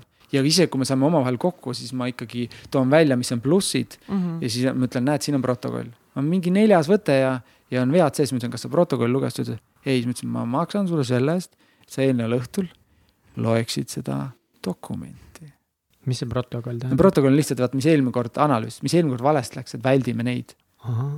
tagasiside, kui me praegu siin midagi teeme, teeme räägi selle sellest protsessist, kuidas te teete protokolli ja mismoodi see protsess välja näeb? kujuta ette, kui meil on praegu see podcast, me lõpetame ära selle yeah., paneme mikrid vait yeah. ja siis korra võtame neli minutit, lihtsalt äh, peegeldame, mis tunde see mul Mm. minus tekitas. päriselt sa lubad tege- peegeldada, mitte nii, et, et ma lihtsalt kiidan või laidan. ja seal on reeglina hästi palju positiivsust just, aga kui sa teisele poole seda välja ei ütle, sa ei tea ja sina võib-olla oma arengu ehitaksid minu tagasiside peale, aga me jätame ütlemata, siis ma ütlen, et tegelikult üks asi seal lonkas, aga ma ei ütle, sest Mm. kõik oli nii äge onju. Ja siis ma ütlen äh, ka, et kui mul meeskonnal on, et mingi võte toimus, siis ma ütlen, et äh, kõige, kes tassis lihtsalt statiivi, ma ütlesin, mis sina arvad? ta ütlebki näiteks, et tead, et lõunasöök, te hakkasite lõuna ajal mõtlema lõuna peale, mõelge varem. siis ütled, jumala hea mõte, aitäh, ta annab nagu alt kohe ülesse. aga sa teedki nagu pärast võttepäevi neid või, või kuid- kuidas see sinul kas peale võttepäeva või võimalikult esimesele võimalusele, sest kui sa annad okay. sinna aega nädal aega vahelt, siis ununeb ära. Emotsioon see emotsioon on kõige väärtuslikum asi. kes seda üles protokollib, sina ise või keegi teine? ka, kas mina ise või keegi teine, ma kirjutan alati üles, kui üles ei kirjuta, siis on nagu Mm. mm. läinud. mul oli praegu, mul on olnud äh, hästi äge kogemus äh, Eesti Kutse Kõrghariduskomisjonis, ma olen üks komisjoni liige, nüüd olen hinnanud koole siin paar kuud. ja ma pidin protokollima, mingid targad äh, teadurid räägivad ja siis ma ei saa sellest keelestki aru, mida nad räägivad. Wow. ja esimene kord, esimene, esimene see protokollimine Zoom'is mingi kümme inimest omavahel räägib, mul oli nagu kuul nii koos, ma olin nii vihane, mõtlesin, ma olen loll, ma ei oska kirjutada. siis ma hakkan lauset trikkima, siis vaatan. It doesn't make any sense, järgmine päev vaatad, mida ma öelda tahan. ja siis, mis ma tegin? Võtsin üheksanda klassi selle kirjandi kirjutamisraamatu, hakkasin sirvima. ja selle kuu ajaga ma suudan jumala hästi protokolli, ma suudan tagantjärgi protokolli. kuidas see aitas? seal on näited, kuidas ennast väljendada. tuleb välja, et ma ei oska, ma olen mega hea laua äärde istume, viskan ideed, joonistame siili, mõttesiili, pa-pa-pa. aga ma ei suutnud nagu seda tervikuks, seda teksti kirjutada, ma olin nagu selles nii koba lihtsalt täna. aga see pandi mind olukorda, kus ma pidin protokollima, nüüd lõpuks oli nii, et ma pidin tegema ettevõtetega, kes praktikakohti Mhm. pakuvad mm, -hmm. siis ma helistasin päevas kolmele ettevõttele. Telefoni teel rääkisin juhiga, küsisin küsimusi, mis, kus, samal ajal protokollisin ja ma sain tohutult palju komplimente, mis ma teinud olen. just, kuidas see on ka sõnastatud. sul on vaja nagu, tundsin nagu, nagu ennem rääkisin võistlusest, tekkis ebamugav koht, vaatasin, ma olen täitsa loll siin, kohe lähemale, mitte niimoodi ära, et oot, väike kaotus nii-öelda mul oli väga hea mõte oli see, et seal teised, kes seal komisjonis on, üks on viisteist aastat seda teinud, teine ma ei tea, ma olen esimest korda asjas sees, siis ta ütles ka, et. ma ütlesin, et see ei ole minu teemas, aga siis tee see enda teemaks, mõtlesin aitäh. ebamugavus, läksid, lugesid, vaatasid, guugeldasin mingeid lühendeid, mis hariduses on, sest ma ei teadnud mingi rõkk ja mida need tähendavad üldse mm. -hmm. järgmine kord juba vaatasin, ütles seda, mõtlesin okei okay,, see on see, see on seotud sellega, okei okay, mm. -hmm. kuidas seal, see on nii põnev ja vaata jällegi tööd on niimoodi, et kõik päevad on täis, siis pakutakse sulle sellist kohta, siis ma vaatan. Davai, võtan vastu. see on ikka nii suhtumise küsimus täpselt, kuidas sa suhtud lihtsalt nagu ellu, kuidas suhtud kõigesse, aga korra tulles selle katsi küsimuse tagasi, et. et okei okay,, üks asi on see protokoll, mida te kasutate, mis on Jah. väga lahe idee, kindlasti tuleb võtta, me oleme ka enda siin akadeemias hästi kasutanud retrosid, retrospektiive. protokoll on kõlo-, kole sõna, see on mingi stagna-, Jaa. veneaegne, aga tegelikult see on ilus asi, see on selline Väga tagasiside. jah, tagasi, aga, aga kuidas sa tagasiside., kuidas sa annad äh, nagu okei okay,, et ütleme, et ei ole võttepäeval teist ees, aga et noh, võib-olla nagu oma stuudios ja siis keegi nagu tuleb, ütleb, kuule, et kuidas sa annad just nagu ilusasti seda edasi, et kuule, et sa pead ise selle välja mõtlema. Et kui nüüd ei ole see asi, mis on mitu korda nässu läinud ja kuidas sa annad nagu ilusasti edasi, hoides nagu ikkagi seda, et no mingil määral sa tahad olla ju ka hea ja tore juht ja, ja sa tahad hoida meeskonna hinge, kõike seda, on ju.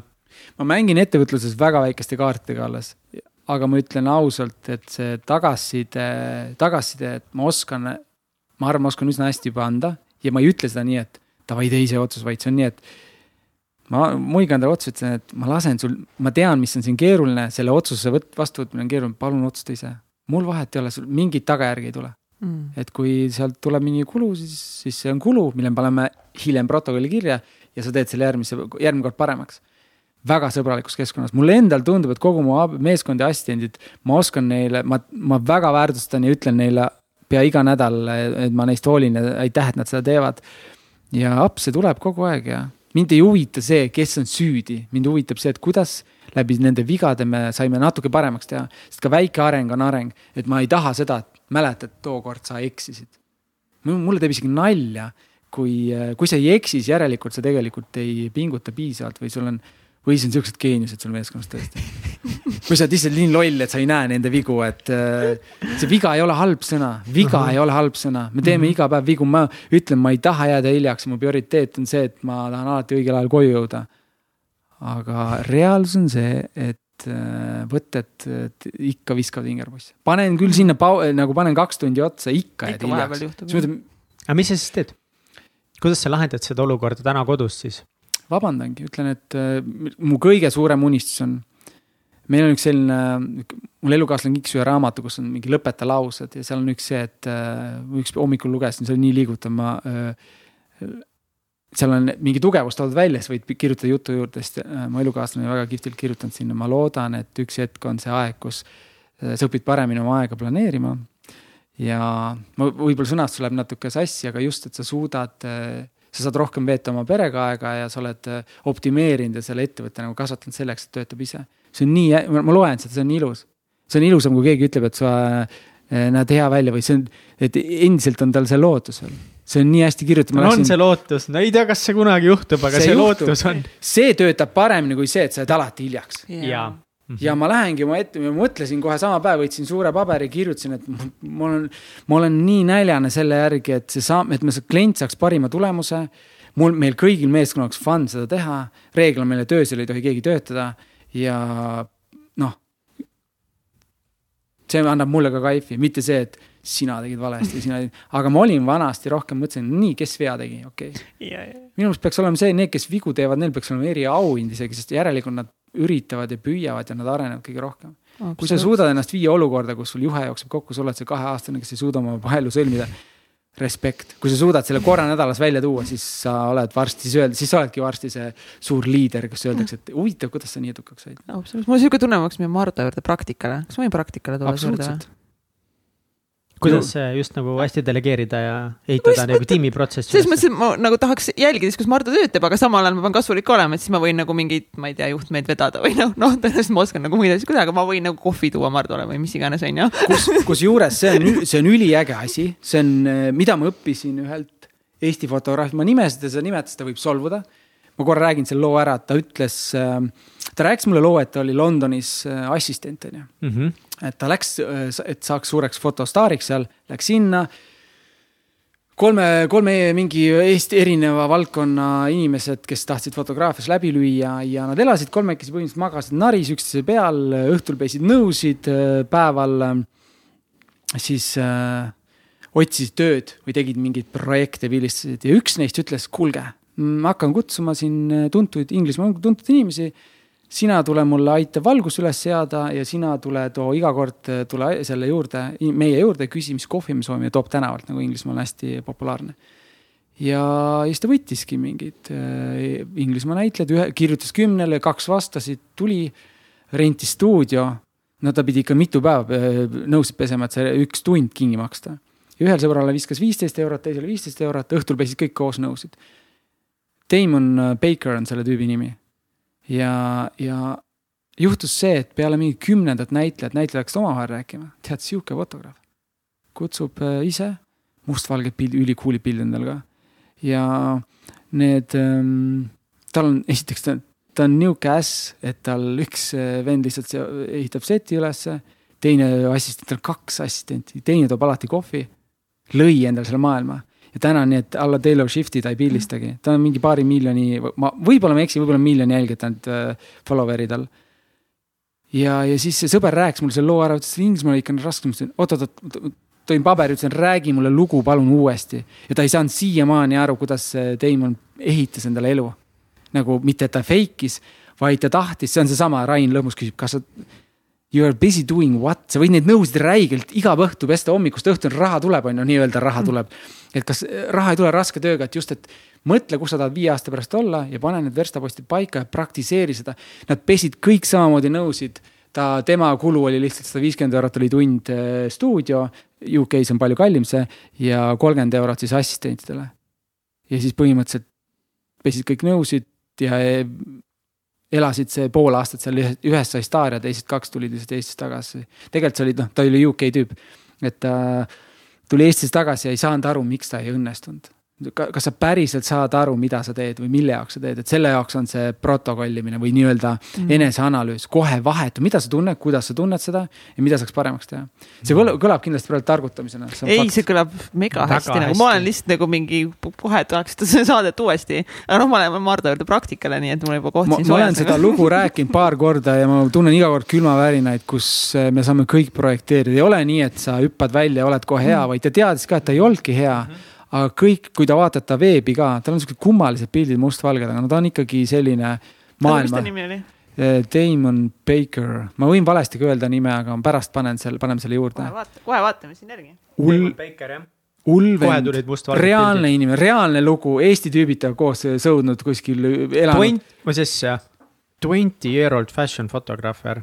vot see peab mingi, aa kaks tuhat kaksteist. Nii et nüüd ta on siis kolmkümmend üks või midagi või? ta on ikka staar, minu meelest oli ka elus ka nii, et keerulise minevikuga gei ja kõik asjad halvasti ka, et noh, ühiskond tegelikult sel hetkel ütles Lahe. talle big no-no. Mhm. ja see on nii, see on nii inspireeriv, siis mõtled, elad siin oma elus, elu on ju, teed neid asju ja see, see on tegelikult mugavustsoon, samamoodi peaks suur, võtangi, püüangi võtta projekte ikka suuremalt, keegi ütleb, et kuule, see on üle sinu leveli, ütled väga hea, let's do it, noh et. kuidas sa energiat eh, kogud või kuidas sa hoiad ennast energilisena? mm. -hmm. no üks asi oligi see sport, see oli täielik patarei, sina ise ütlesid, et see laadis sind, sa unustasid kõik muu. Ma unustasin, kui ma džitsi teen, ma siiamaani käin hommikuti äh, hommikurulle tegemas kaks korda nädalas, noh praegu koroona ajal ei saa, aga muidu teisipäev, reede. ja see laeb nii hullult, sest siis ma ei mäleta isegi, mis mu nimi on või kus riigis ma asun. mulle meeldis džitsi puhul, džitsi puhul see, et kas ma olin USA-s, kas ma olin Austraalias kus ma olin äh, Venemaal, Eestis, kus iganes, sa ei tea, kus sa oled. see, kui sa seda sporti teed, sa ei saa aru, sa lihtsalt naudid seda hetke. et üks väga suur osa on füüsiline tegevus, et kas siis ma teen džitsi või teen mingit sporti. see on nagu mega äge, ma arvan, et kõigile noortele tulekski juba algusest harjutada seda sisse, et, et ära võta seda, et tahad fit olla see ei ole fit, see on selline, see on, ma, ma olen nagu, ma käin hommikusel rullil või teen jõusaali ära, ma lähen stuudiosse, ma olen nagu noor jumal lihtsalt. Mul on hea olla, mul on sihuke aura ümber. keegi teine ei pea seda märkama, mul on seda vaja, mul on seda vaja, et kui mul on strateegilisi otsuseid vaja vastu võtta, ma ei söö, ma teen trenni, siis ma olen nii, et ma näen lihtsalt asju. aga nii kui ma olen maganud kauem, mida pole juhtunud kümme aastat eh, ja kui ma söön mingit jama toitu, siis ma olen nagu lindtraktor, ei edasi, ma lähen edasi hästi nagu stabiilselt, aga mega aeglaselt. ja see, see Mardu ei tee ju häid otsuseid, ta on, ta otsused on siuksed halvad otsused, aga selline trenn läheb väga hästi ja muidugi eh, seesama asi väljakutsed, et kui ma, kui ma ise teen oma podcast'i, see on maailma kõige ebamugavam asi, ma olen suht käpard selles veel. aga sellel on suurem eesmärk viie aasta pärast, mitte täna. mis on see suurem eesmärk? nüüd needsamad vestlused, mida ma olen inimestega rääkinud, viia nad eh, niimoodi, et teistel on ka võimalik kuulata ja võib-olla võtta sealt välja seks ja raha ja selline meelelahutus. Pigem rääkida just sellistest, igal inimesel on oma mingi väike lugu. ja ma olen alles sellel teekonnal, et eh, aru saada, mis see on, et kui me kohtumegi, siis kas ma peaks küsima, mis autoga sõidad või päriselt, mida sa tunned? me oleme kontvõõrad, kuidas see väljendab praegu, kuidas sa, kas sa oled täna õnnelik ja rahul sellega, kes sa oled ja kui keegi suudab sulle seda, sellel teemal nagu vestelda, ta usaldab sind. sest suvalist ei öelda, mehed omavahel saavad kokku, küsivad, mis, kui suured sul väljad on ja mis autoga sõidad. Ma iga kord, kui ma auto sinna rehvi, rehvi vahetusse helistan, siis küsitakse, kui suured väljad, ma ütlesin, mul pole õrna aimugi. aga ma võiksin rääkida muudel teemadel. aga kas sa oled täna õnnelik ja rahul? ma olen äh, väga õnnelik, ma olen õnnelik, kui mul on palju väljakutseid äh, ja neid hetki, kus ma saan nagu korra noh, mitte juhtme seinast välja võtta, vaid äh, et mul ongi tervis, et ma saan teha sporti ja, ja piisavas kogu- koguses äh, ebamugavust. millal teie olete õnnelikud, praegu, miks? sest ma olen siin ja kohal. ja sulle Teie? meeldib see, te olete selle ju, selle Mm. ruumi loonud ise. kuid kas te mäletate esimesi tagasisidesid? ei, esimest tagasisidet küll ei mäleta. tagasisidet kelle poolt? kas, kasvõi enda poolt, kui sa tegid esimest saate? jaa. Noh, oh, aga ma räägin kohe seda meie esimest saatelugu, esimese külalise saatelugu, see oli nii naljakas. räägi. Kaido Pajumaa oli meie Shout esimene out to. Kaido, nagu Shout Kaido peaks uuesti saatesse kutsuma jaa, kindlalt peaks, kohe esimene saade, me ei tea sittagi ja kohe Kaido Pajumaa letti. no jumal, või noh, mitte jumal tänatud, aga et suur tänu talle, et ta üldse nagu usaldas ja tuli igatahes Mm. tegime laheda saate, ma ei saanud mitte midagi aru, millest me saates rääkisime. Kaido rääkis kajakatest aknast, tegelikult Kaido rääkis väga sügavat eh, hingelist eh, mitte sisu või Ja. lugu. Ja oma teekonda oma ja- teekond, ja. täpselt, aitäh, see on väga, see on oma teekond rääkis ja ma ei osanud sellest üldse tol hetkel aru Jah. saada, ma olin nii sitta mures sellepärast, kuidas me juhime seda saadet, ma ei tea, mis sina, Kats, peas mõtlesid. aga mina mõtlesin peas ainult seda, et oot-oot-oot-oot, millest ta praegu räägib, oot kuhu me jõudma pidime, oota, mis järgmine küsimus peaks olema, noh mitte sittagi ma ei saanud aru ja siis, eh, kui me saade tehtud sai, tegelikult oli tore ja fun. mega tore oli ju. siis mm. ma hakkasin kuulama seda. Ja mina ei tea, mingi, ma arvan, see oli klassikaline mingi pooleteisttunnine saade. ja ma, vot seda ma enam ei mäleta, mis seal oli, aga et ma hakkasin vaatama, et oot-oot-oot, aga siin ma rääkisin kakskümmend minti lolli juttu ju. lükkame mm -hmm. selle välja.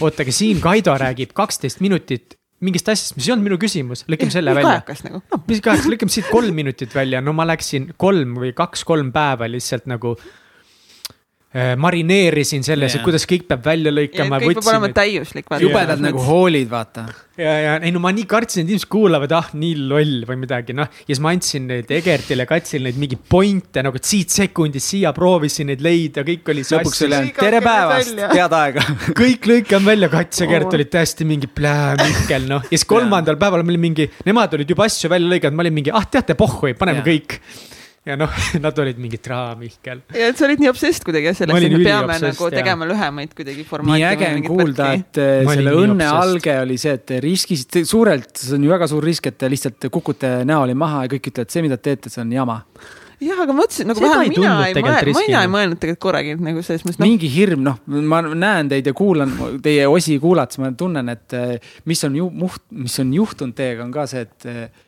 te nagu ei selles mõttes see on teie rada ja te ei tee ju seda meele, see ei ole meelelahutus, vaid see ongi teie rada, mis mulle väga meeldib teie podcast'i juures. Te, te olete omapärased, mitte omapärased, see oli koledalt öeldud, te olete nii äh, see, see on tohutu privileeg nende inimestega suhelda ja, ja ma kujutan ette, et teil on äh, sajad inimesed, enamus, kes teil on siin käinud, on kirjutanud pärast, pärast, et tead, ma polnud enne selle peale mõelnudki, aitäh. ja see on midagi sellist, mis äh, loob selliseid liite, et on, see on, see on, see on suurem kui elu et.... see, see on, see on nii hea, et sa tulid selle, tõid selle teema nagu praegu välja, et nagu korra nagu vahepeal lihtsalt ongi, me oleme nii igapäeva nagu tegemistes sees, et nagu ja. vaadatagi lihtsalt tagasi nagu, kus me alustasime, meil oli Mik-, Mik-, Mihkliga kahe peal üks mikrofon. Üks ja, mikrofon, lau-, keset lauda oli üks mikrofon. mul, mul on küsimus, kui teil on mul on küsimus, kui te olite paanikas, kas, kas on mingi paanika täna ka, kui teil on õhtul salvestus, kas?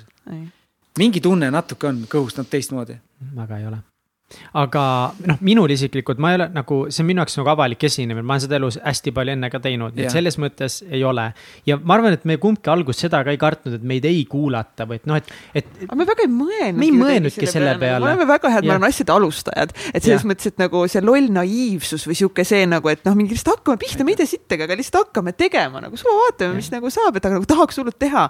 siis mulle mõlemale meeldib lihtsalt nagu mingit noh, siukseid ägedaid asju, mis tunduvad meile nagu seksikad või siukest nagu mingi ah, cool nagu mingi saab teha ja siis ega esimese saate, pärast esimest saadet, noh, seda ma ikkagi, siis ma just kartsin, et mida teised nagu vist arvavad, ma ikkagi ajasin seda taga. et mul, ma, ma ei kartnud seda, et keegi ei kuula yeah., aga ma kartsin seda, et kurat, et nad kuulavad ja noh, täiesti noh, mis pläuss see on seda ma küll kartsin umbes ühe saate. minu meelest oli lahe nagu see, et pidid esimesed saated eetrisse tulema ja meil oli, mõtlesime, oo, me lähme teeme äh, siis Facebook laivi seal Radissoni katusel on ju, katusekohvikus Egert seal kõik ja märkis järgi enne seda Mihkel suutis need saated Spotify või sealt SoundCloudis maha lasta. sest need olid kuidagi vist vales järjekorras yeah. Ja siis me lähme seal nagu mingi laivi, aga meil pole saateid ülevalgi, aga tahame oma nelja esimese saatega nagu teha mingit tohutut launch'i omast. no kas see oli samas fine, sest ega meid vaatas vist neli inimest selles Facebook laivi ajal et see ja on see nagu suur loss. oli valet pidi ja me ei saanud aru aa, me ei olnud nägupidi ekraanis sees. nagu ma ei tea, mida see telefon tegi, aga ta näitas ilusti, et me oleme laivis nagu yeah. landscape'is kõik super yeah. nagu, aga inimestel oli portrees. Ja, ja meie keskjaht oli ainult sees aga kõik, kõik need asjad, vaata kujuta ette, mõni yeah. ei võta neid asju, ei võta selliseid eh, väljakutseid just vastu, sest ta kardab, et see juhtub. kurat, see juhtub tore on, kui need asjad juhtuvad. mega tore, nagu on... nüüd tagasi vaadates, nii naljakas praegu seda lugu vaata rääkida. respekt, mis te olete teinud. minu elu on väga palju mõjutanud see, et äh, nii naljaks, et ma tean nagu Mihkli nagu trennis, siis kuulasid ka siis. Et see julgus ja kõik, kuidas sa ennast väljendada räägid, see on äh, respekt, et see on, aga see tuleb ainult nii, kui teed. kui ei tegele, siis ei edene, et sa unustad, noh tore on, või kui vahel lähevad, mulle meeldib teie saate juures, sõnad lähevad sassi, sa veel rõhutad neid, siis mis me siis teeme, me läheme edasi nagu.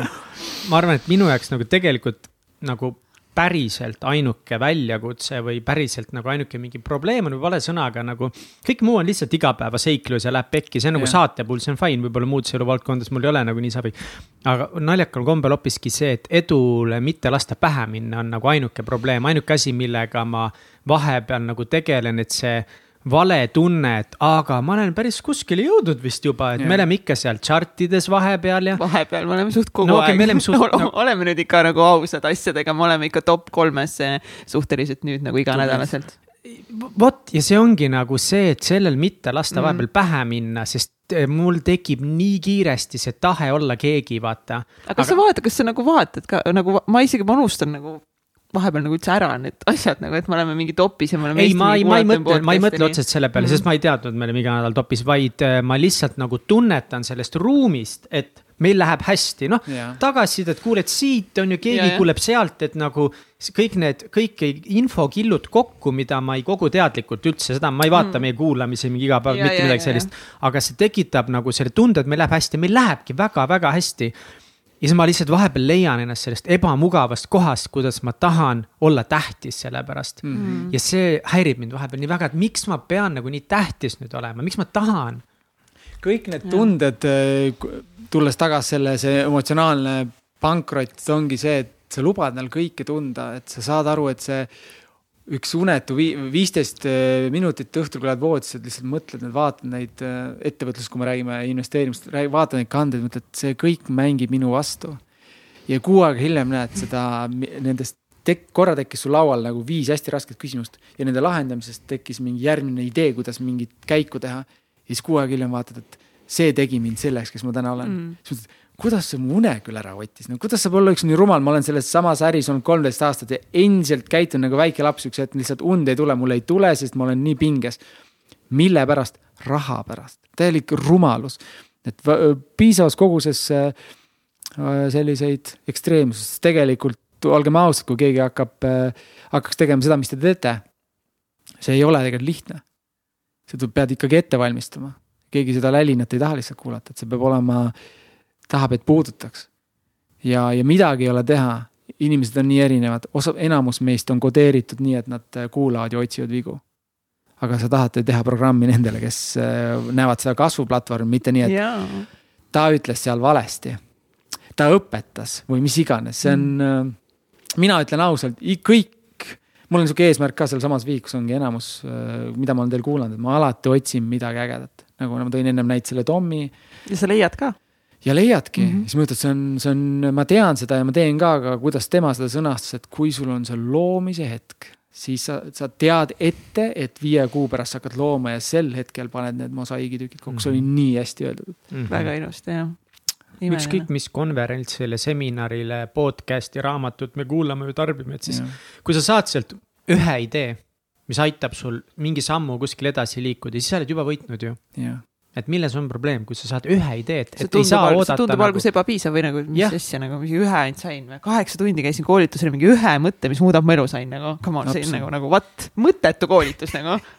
raha on raisku läinud. sa tahad sadat trikki või Täpselt. ühte reaalset nagu asja, mis sind paneb mõtlema, saad aru, et su mäng on mm, nii naljakas, kui see ka pole kui raamatutest rääkides, minu elu muutis üks raamat, mis on, ma tean leheküljenumbreid, ma võin nüüd eksida, kui ma nii kindlalt hakkan ütlema, on näiteks Rikkaks saamise õpik ma arvan, see peaks olema kohustuslik kirjandus. neljakümne teine lehekülg, inimesed loobuvad. seepärast seal on arvutus, kui vaene sa oled. lööd oma kõik need võlad, asjad, pangalaenud, sisse, saad aru, et sa oled. Äh, sa oled räigel miinuses. ja siis kaheksakümmend protsenti inimesed, kes raamatu kätte võtavad, lõpetavad neljakümne teisel leheküljel, sest keegi ei taha kuulda, et sa oled vaene.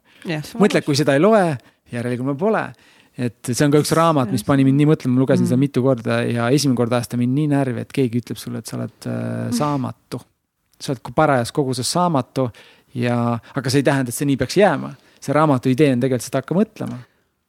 hakka mõtlema. aga see puudutabki sind, vaata, mingi valusaid kohti. Nagu. see raamat sind ja, rikkaks ei tee, see on fakt, aga ta paneb sind mõtlema, ta püstitab sulle sellised küsimused, millest sa enam lahti ei saa, sa hakkad mõtlema hommikul ja õhtul ja paari aastaga, mõnel kiirem, mõnel aeglasemalt hakkab juba mõtlema, et tegelikult vist et eh, seal on õiged, õiged sõnad, et hea on, kui keegi on visanud selle raamatu sulle lauale.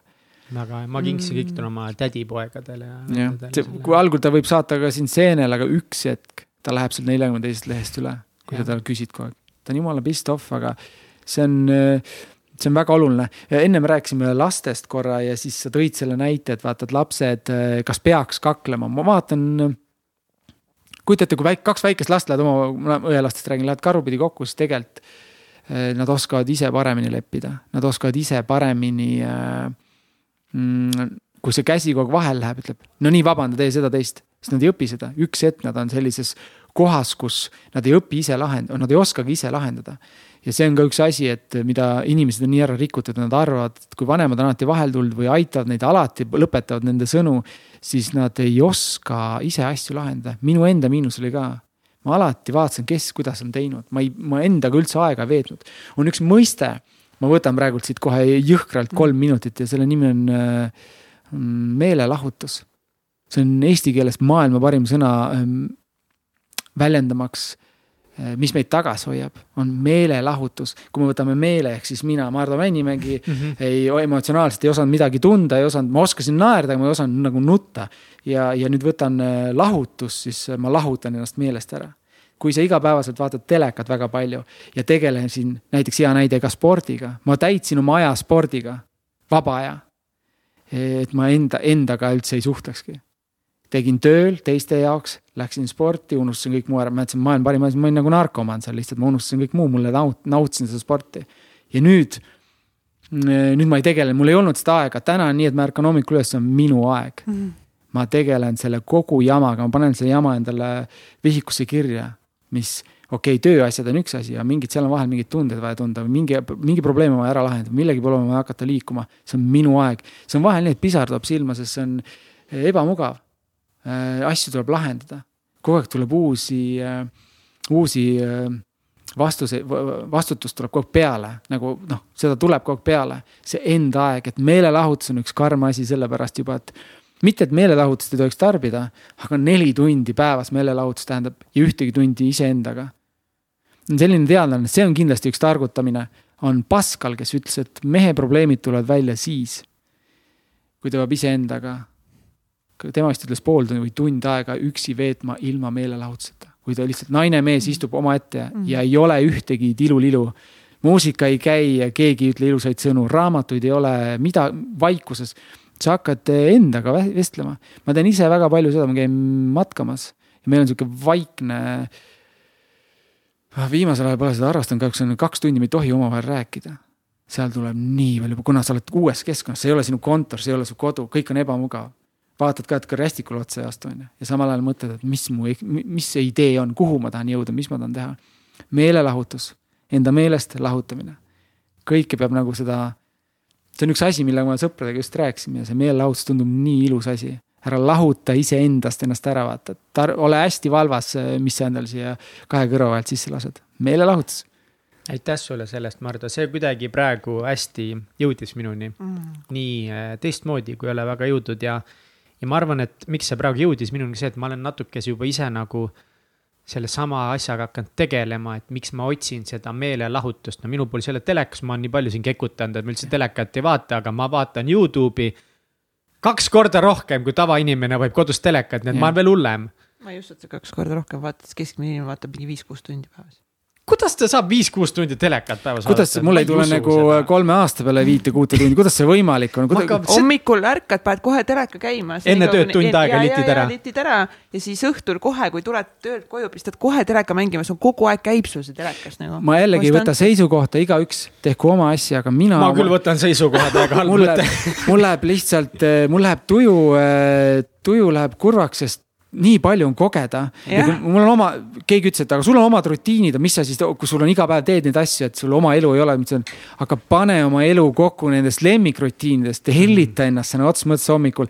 aga vaata korra sellele saatanale otsa, võta stopperiga üksteist minutit, mõtle mis on su nõrkused, mitte nii, et ma olen mhm. selles osav ja selles ja selles, vaid päriselt, mida aga, annaks aga teha. seda on vahepeal lihtsalt ongi väga nagu ebamugav, et mõnikord me ka ei saa aru ja ma arvan, et ka mina mingi hetk ma ei saanud aru, et mis mind tegelikult paneb nagu noh, näiteks ongi väga suures koguses Youtube videosid tarbima. ja ma õigustasin ennast väga pikalt välja, aga ma vaatan ju Vox News, ma yeah. vaatan äh, Jimmy Kimmeli analüüse asjadest nagu, mis on vaimukad, on, et ma noh, justkui tarbin intelligentset asja, aga tegelikult see, mis just ütlesid ma kogu selle käigus ma lahutan oma meele ära kõigest. ja. see, mis sind aga ma ei taha, ma see- kogu aeg tahan seda see, teha. mis sind hirmutab, vaata, et sa jääd iseendaga üksi Mm. kus seda korraks tõmbab niimoodi, käib siukene mingi sisetunne, et nagu no ei ole piisav aga see. tundub võib-olla nagu aja raiskamine. selle tundmine või? ja Või- mulle tundub, et ei, aga mis ma siin nüüd tühja panen, et vaatame mingi Mm. video, siis lähme teeme midagi, vaatame jälle video. jumala hästi öeldud, aja raiskamine, meelelahutus ja aja raiskamine. meelelahutus on aja raiskamine või, sa mõtled tegelikult vastu? ei, ma mõtlesin vastupidi, et mul vahepeal nagu ma tundub, ütlesingi et irooniaga. Jah. aga no ma saan aru, kui loll see on, aga See- aga see on mingi nii tugev nagu selline no Tõenäoliselt, kui sa saad sa- põgeneda, me tahame ikkagist põgeneda, vaata kui sa iga päev kuulad kaksteist tundi iseennast, no siis sul on vaja ravimeid üsna pea. et ära seda tee mõistlikuses koguses, et alusta, ma alustasin kunagi viieteist minutiga, minu aeg. mu, mu elukaaslane õpetas mulle väga ägeda asja, et on tema aeg. ja, ja siis, siis ära noki, vaata, see on minu aeg ja ma, ma olen võtnud selle temalt üle, see on ülikool, mul oma aeg, algul ma olin siuke, mis asja, oma aeg. see ongi meie aeg, see ongi, kõik on aeg, noh, mis asja endaga, iseenda, mul on kõik hästi, vaata. Et Shout out to äh, Mardu elukaaslane. ja see on väga, see on väga hästi sa, sa oled üli, üliäge naine. mulle meeldib see mulle meeldib väga sinu juures, Mihkel, see, kuidas ma tunnen kogu aeg, kui me siin räägime, et sa mõtled kaasa. ma olen seda ennem ka teie podcast'is kuulanud, te mõtlete kaasa, te lihtsalt ei, ei küsi ja vasta. Te, te jagate oma lugu ja see on, see on, sa saad aru, kui keegi isegi mitte ei kummuta, vaid sa annad mu, ma ainult viskasin üles mõtte, sa panid mulle sinna kaks klotsi lihtsalt juurde mm. -hmm. ma lähen siit palju parema mõttega. kui me sõnamängu mängime, siis eriti ilus on veel ingliskeelne sõna history like his story, et noh sealt iga sõnaga on tegelikult, meie eestikeelsed sõnad on väga kihvtid. kui sa hakkad filosofeerima ühe, ühe sõnaga, siis sa saad aru, et tegelikult siin on peidetud rohkem kui see, et, et me oleme õppinud seda kasutama, et ajal, noh näiteks ajalugu, see Mhm. on üks lugu ajast. et see ei ole ainult see, et eh, me oleme õppinud ajalugu ja seal olid sõda ja, vaid see, mis me ennem rääkisime täna on ajalugu, meie ajalugu, me tegime, tekitasime täiesti uue väärtuse siia omavahel rääkides ja mõtteid põrgatades, et täiega kihvt, minu meelest rääkimine on tore ja, ja, ja ju- just see, et nagu ma ütlesin, et sa annad mõtte, anname üksteise mõtetele juurde, mitte nii, et sa kurdad ära ja ma kurdan ära, siis me läheme koju, et mulle meeldib see, et te mõtlete sada protsenti kaasa. aga meelelahutus, jätke meelde, ärge lahutage, lahutage ka meelt. minu meelelahutus ol, oli sport, ma sain aru, et ma olen sellega üle doseerinud.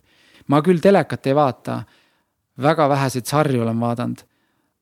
aga ma tunnen ennast tihti nii, et kui ma jätan hommikul selle enda aja ära, mu töö kvaliteet langeb siis ma lasen ka mujalt, võib-olla ma näeksin ka halvemat toitu ja teist, et ta, ta tõmbab korra, ta annab mulle tohutu kaifi, kui ma vaatan oma puudused üle.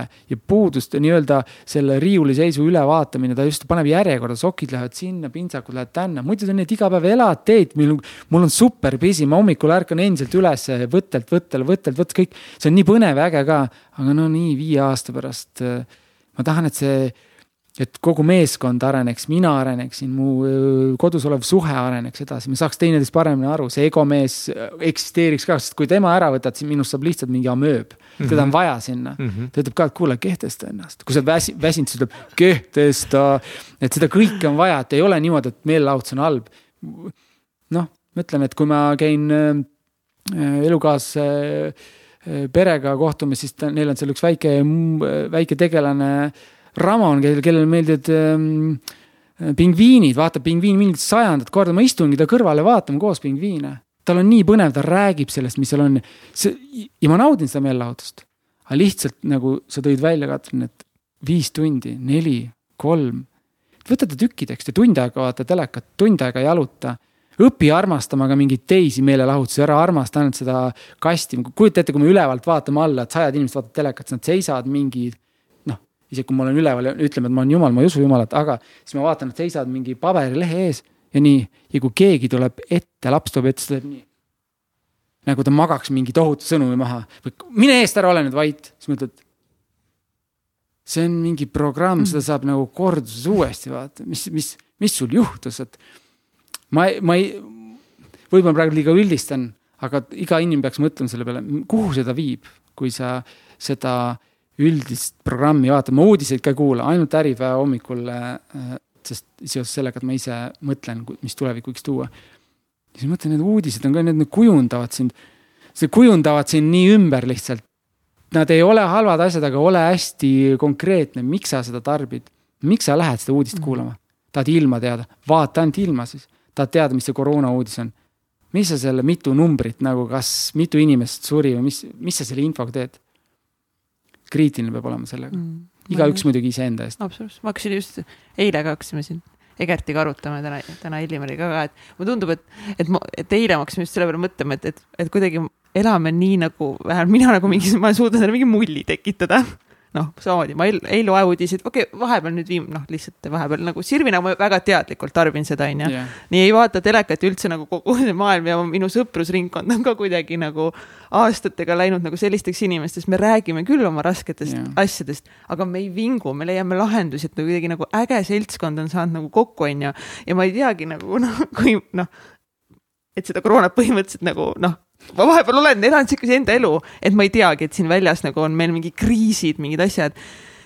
et kas me siis, on nagu okei okay elada seal mullis või nagu me peaksime teadma tegelikult, mis seal mullis nagu väljaspool toimub, sest nagu eile ma sain teada, et nagu no tegelikult meil maailmas ja Eestis siin on nagu inimesed on viha täis, nad sõimavad, üksteist kirjutavad netis mingeid ulmeasju nagu. see, see ei nagu... ole, ma arvan, et see ei ole see, mida sa pead teadma, ma arvan, et on hästi oluline enda mullist väljapoole vaadata, aga mm, -hmm. aga oluline ongi see, nagu mis Mardogi ütles, mõnes mõttes see nagu see mitmekesisus, kesisus ja, ja kriitilisus, et mm, -hmm. et mulle meeldib hullult see nagu näiteks ka, et me jah, me suudamegi elada oma asja yeah. teha nii, et sa ei mõtle selle peale mm, -hmm. et mhm. mingi koroona näiteks on, mis on õige.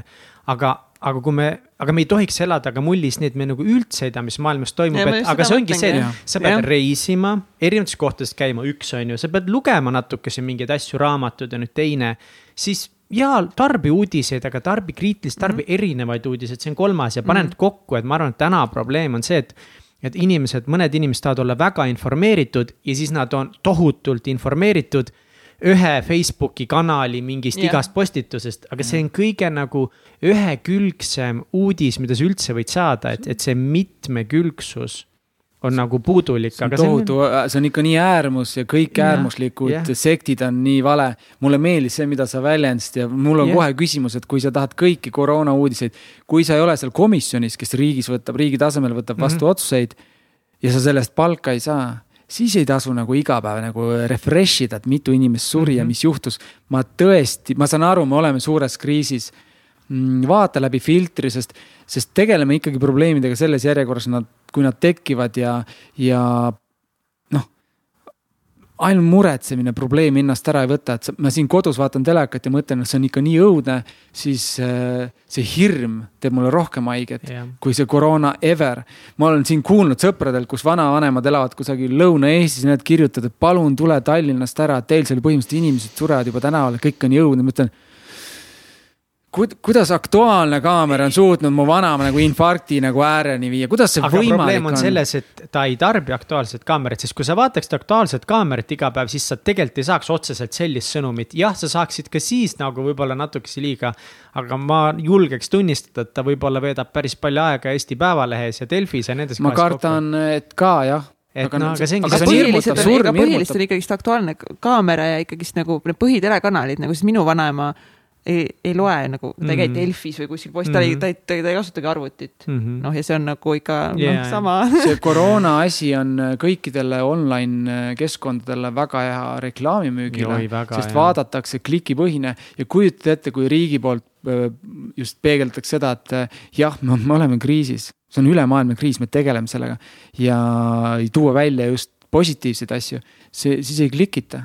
ikkagi surm, kes ikka kuidagi midagi juhtub, numbrid. ikka negatiivsus müüb, negatiivsus müüb ja see ei olegi, ma saan uudised sõpradelt kätte mm, -hmm. aga ma niimoodi otseselt väga harva vaatan. mul on isegi nii, et kui ma hommikul vahel söön eh, ühes kohvikus, praegu on nad suletud, enne seda söön hommikust seitse kolmkümmend siis ma lähen sinna, ma olen ainuke inimene, seal rohkem midagi ei ole, siis ma ütlen, palun, et kas võid panna telek kinni, siis ta ütleb. Aa, Mardu, jah, sorry, ma teadsin juba. sest see üks sumin on sul kõrval, sest väga paljud ütlevad, nagu sa ütlesid, kuus -hmm. tundi vaatad, see on, neil on, vanemad tegid nii, et pandi mingi müra. jumal lahe, vahel vaikus. mõt-, pane ennast vaikusse, kui sa oled megavihane kellegi peale, pane vaikusse see kõik kordub nagu kordaja on, mingi kiirendi on see. sa tegeled probleemiga, kohe lahendad mõtted, need emotsioonid, võib-olla karjud isegi see on äge, kui sa paned sinna müra, siis sa unustad oma probleeme ära ja üks päev tuleb ta välja ja siis on tuksis. selle jaoks ei ole vaja mingi psühho, psühholoog olla, et sa saad aru, et see meelelahutus teab, teeb eriti sellistele emotsioonile haiget ja, ja mm -hmm. tulles tagasi, mis ma teile just ennem jagasin, et see pankrot, pankrot tunnete tundmisest, siis sest mul kogu aeg oli vihisev mingi asi taustal, noh, see telekas käis võib-olla nii-öelda piltlikult öeldes kakskümmend neli seitse, et ma ei tegelenud sellega, et. Eh, kuidas võtta ka nii-öelda negatiivset komplimenti vastu. et tegelikult tihti andja tahab, et sa parane, teeksid paremini, mitte see, et tänitab. minu maailmas lihtsalt oli alati see tänitamine. minu rikutuse taseme, taseme juures ma ei oska nagu abi, abistajaid eh, võib-olla nägid no, kohe rünnakuna nagu. kuigi peaks tegelikult küsima mm. enne, kui sa annad kellelegi nõu. aga kui Rain oleks mulle öelnud nagu näpud püsti, et sa oled maailma tegija siis me, siis ma oleksin seesama tüüp, kes teeb seitset ametit korraga ja noh, siinkohal ma ütlen, et kes mulle tööd teevad nagu müts maha, ma ütlen neile iga nädal täiesti päriselt, et, et teete selle ettevõtte ettevõtteks, ettevõte on inimesed. et ägedad inimesed, kes teevad ägedaid asju, mitte see, et üks mees nagu elu vahel kaelast laseb niimoodi, et täna öösel jälle ei maga. Ja neid, neid öid oli palju. Ja siis mõtled, mille nimel, keegi kõrvalt vaatab, mis sul viga on. saad aru, et see, sa saad otsa varsti lihtsalt mm., sa lõped ära. Mardu, mis sa arvad eh, nagu mi, mis tegi sinust ikkagist nagu Eestis ja üleüldse siis ka välismaal nii tunnustatud fotograafi? või mis on teinud sinust nagu selle, sest nagu tegelikult me võime kõik teha pilte ja on väga palju fotograafe. aga sina oled saanud väga edukaks fotograafiks? ma tänan komplimendi eest, aga kindlasti see, et äh, äh, ma küsin ja ma olen äh,, kui ma ei oska, ma kohe küsin inimeste käest ja, ja ma puudutan võib-olla kliente rohkem, kui ma lihtsalt teen neile tööd. ma just mõtlengi, et see, et see ei ole ainult see, et sa teed ikkagi, asi ikkagist ei ole selles nagu heas pildis, et no kindlasti on ka nagu see, et sa teed väga ilusaid pilte. mul on see... Eestis circa üle viiekümne äh, püsikliendi mm., suure ettevõtte ja nad on nagu perekond, nad ei ole, see ei ole seotud üldse mingi, et teeme raha siin. Nad on nagu lähedased, me räägime omavahel läbi neid asju. ma mõt-, mõtlen, et see, mis te teete, aga teeme natuke paremini see on ikkagi need inimsuhted seal siis, et loomulikult nagu see on nagu iseenesestmõistetav, et see pildi kvaliteet peab väga hea olema mm., aga loeb päeva lõpuks ikkagi siis nagu sinu ja teise väga hea pildi vahel, mis on see side inimesega? Kuulamine, et kui, kui sa ei raiu oma mingit tahet, vaid sa püüad, ta annab sulle, klient annab idee, noh, kui me räägime väga lihtsalt portreefotograafiast mm, -hmm. see on, see on, see on lihtne asi, aga kui me räägime ühe, ühe ettevõtte imago, mis näitab järgmised pool aastat, kuidas nad võiksid toimetada, see on nii äge, sest seal on, lauale pannakse ikkagi probleemid. Müük peab toimuma, ei ole lihtsalt, mul ei ole huvitatud kellelegi tööd tegemast, kui see, et ta, mul on vastutus, et see pärast müüks ka ja mul on vastutus ka juba enne uurida, kes see seda müüma hakkab, kuidas, mis on teie strateegia. sest ilma strateegiata ma lihtsalt teeksin seda tööd ja ma, ma, mul oli erinevaid võtteid on siin just äh, pildistasin Amplerile ja pildistasin äh, Go-moodulile lihtsalt tõukse ja jalgrattaid, saad aru? kaks päeva ühte mingit kolme ratast kaks või noh, viite ratast kolm päeva. aga seda tuleb teha nii maitsekalt ja hästi ja me joome seal kohvi, istume maas, räägime, vahepeal isegi vaidleme ja siis selle käigus sünnib midagi hoopis, midagi uut. ja ma, ma olen ise selle, mul elukaaslane ütleb ka tihti, et äkki sa oled ise seal mugavustsoonis praegu. sealt peaks tegelikult mõtlema, et kuidas sa suudaks delegeerida järgmisele tasemele inimestele, et nemad teevad seda mm. -hmm. sest siin paljand-, paljundada ei saa et äge, kui ma, ma olen, ma julgen oma vigu tunnistada, üks väga suur oskus ongi see, et sa ütled meil läheb see üle aja. istume korra maha ja paneme kirja, kuidas seda enam ei juhtuks või kuidas jõuaksime selleni, et see ei lähe, et see tagasiside. ma annan enamat kui lihtsalt pildid, ma, mulle meeldib nendega suhelda ja ma ei ole nagu käsn, et võtan kõik neilt, vaid ma alati küsin ka, kuidas ma saan sind aidata, see, see on üks kuulamise osa, et ma püüan ka nende programmi nagu täiustada ja see on nii äge. ma ütlen mulle meeldib mu töö väga, peale kolmteist aastat, peale kolmeteist aastat, kui me hommikul on koosolek, hakkame midagi tegema, mul on iga kord sihuke tibukostüüm seljas, mul on nagu mõnus olla. aga ma pean olema siin valvas, et mul on see oma aeg hommikul, et see asi peab kogu aeg edasi liikuma, järjepidevalt natuke, natuke edasi. et noh, me oleme siin kõik väga noored inimesed, meil on nii palju veel teha. meil on nii palju teha, me õpime praegu tähestikku, et äh, see järjepidevalt natukese edasi ongi üks, ma arvan, üks kõige, üks olulisemaid sõnumeid, mida keegi võiks täna kaasa mm. võtta ja, ja millele ma ise pean kogu aeg uuesti toetuma, et mitte lasta hirmust ilma jääda või Jaa. äh, hirmust mitte olla piisav, äh, liiga hirmutatud olla. just see, et kogu aeg natukese edasi, kogu aeg natukese paremini. hästi vähe, et ega vä- vä- väike edasiminek on ka edasiminek, et aasta plaanis see on ikka, see on see on. jah, ja, ja mitte anda endale ka pähe, siis kui vahepeal ei lähe nagu asjad nii, nagu sa tahtsid. kui sa endale pähe annad selle eest, siis sa õpid paremini seda tegema ja saad aru ka, et seda on ka kuidagi naljakas on Mm. öelda, et negatiivne välja, positiivne sisse, et sul- on vaja seda, sul on vaja tunda seda tuska, et noh, see oli, see läks allapoole latti. jah, aga kui kaua sa lased seda tunnet nagu endale tunda või jäädki sinna. kui sa seda, kui sa seda tunned, mul on oma teooria, Nii, et kui sa küta. seda ei tunne, kui sa seda ei, sa pead õppima seda tundma. minu suur probleem oli, et kui keegi ütles mulle halvasti, siis Mm. see tu- tunne tuli ja siis see tunne jäi ja siis ma panin ta ära. et sa tunnedki endast, lased endast läbi, et kui keegi teeb, nagu ma ennem ütlesin, et keegi teeb sulle komplimendi, sa näed täna hea välja, siis pumm, niisugune adre-, adrekas käib üles-alla nagu lift käib üles-alla, tehtud, jumala hea tunne. ja nüüd, kui keegi ütleb, et äh, see on halvasti, siis ta läheb, läheb nagu ülesse. Aga analüüsi alla ei tule, seepärast et ta on nii halb tunne, sa ei taha uuesti ta nagu läbi lasta. et lase uuesti mm, -hmm. lase korduvalt, siis sa karastud ja sa saad aru, et tegelikult see on abistav info, see on see, see on see osa äh, rikkaks saamise õpik neljakümne teine lehekülg, et sa oled vaene. et lase see endast läbi, hakka tegelema, pane, vaata, mis, mis üks euro ja üks sekund, mida sa enda jaoks saaksid nendega teha järgmiste, järgmiste minutite, aastate, nädalate. noh, see analüüs see on väga ohtlik minu jaoks, mind alati see on nagu isegi hirmutanud, kui seda negatiivset tagasisidet nagu kuskilt ei tule. noh, mitte seda, et, et saad nõme tagasisidet, aga lihtsalt, et nagu, et okei, et aga ma teen midagi valesti, ma eksisin millegi, isegi minu töös nagu. ma olen ka, kui ma ei ole tükk aega nagu mingit tagasisidet nagu saanud äh, teistelt tiimiliikmetelt, siis ma hakkan mõtlema, kurat, et nagu, mis toimub, et äh, esiteks ma muutun, ma muutun mugavaks kohe Jaa. siis ja teine asi on see, et, et kas keegi paneb midagi tähele või ma ei ole küsinud või noh, tegelikult on see, et nagu mul, minul näiteks ka, mul on kogu aeg ikkagi mingi, iga natukese aja tagant, mul on vaja nüüd saada seda teadmist, et mida ma teen halvasti sisuliselt.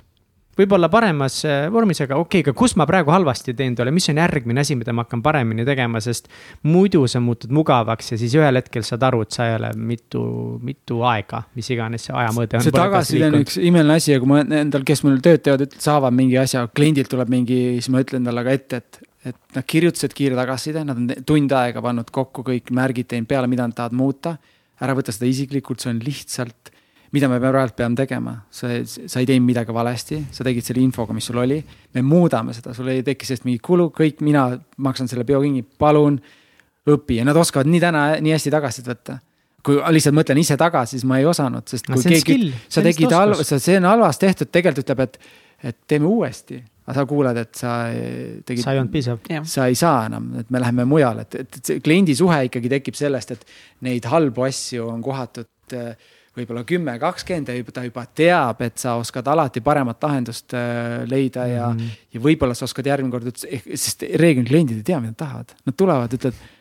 tahaks, et sul oleks kollased kõrvad ja ta ujuks, onju, aga mis loom see on, ei tea, vaata, et Mhm. no ma tõin võib-olla absurdse näite, Ei, aga ja siis hakkad leiutama ja kui mul on tihti nii, et mul endal, ma ei saa ise seda tööd teha. ma soovitan kogu aeg teist fotograafi, see on üks väga oluline asi mu elus olnud.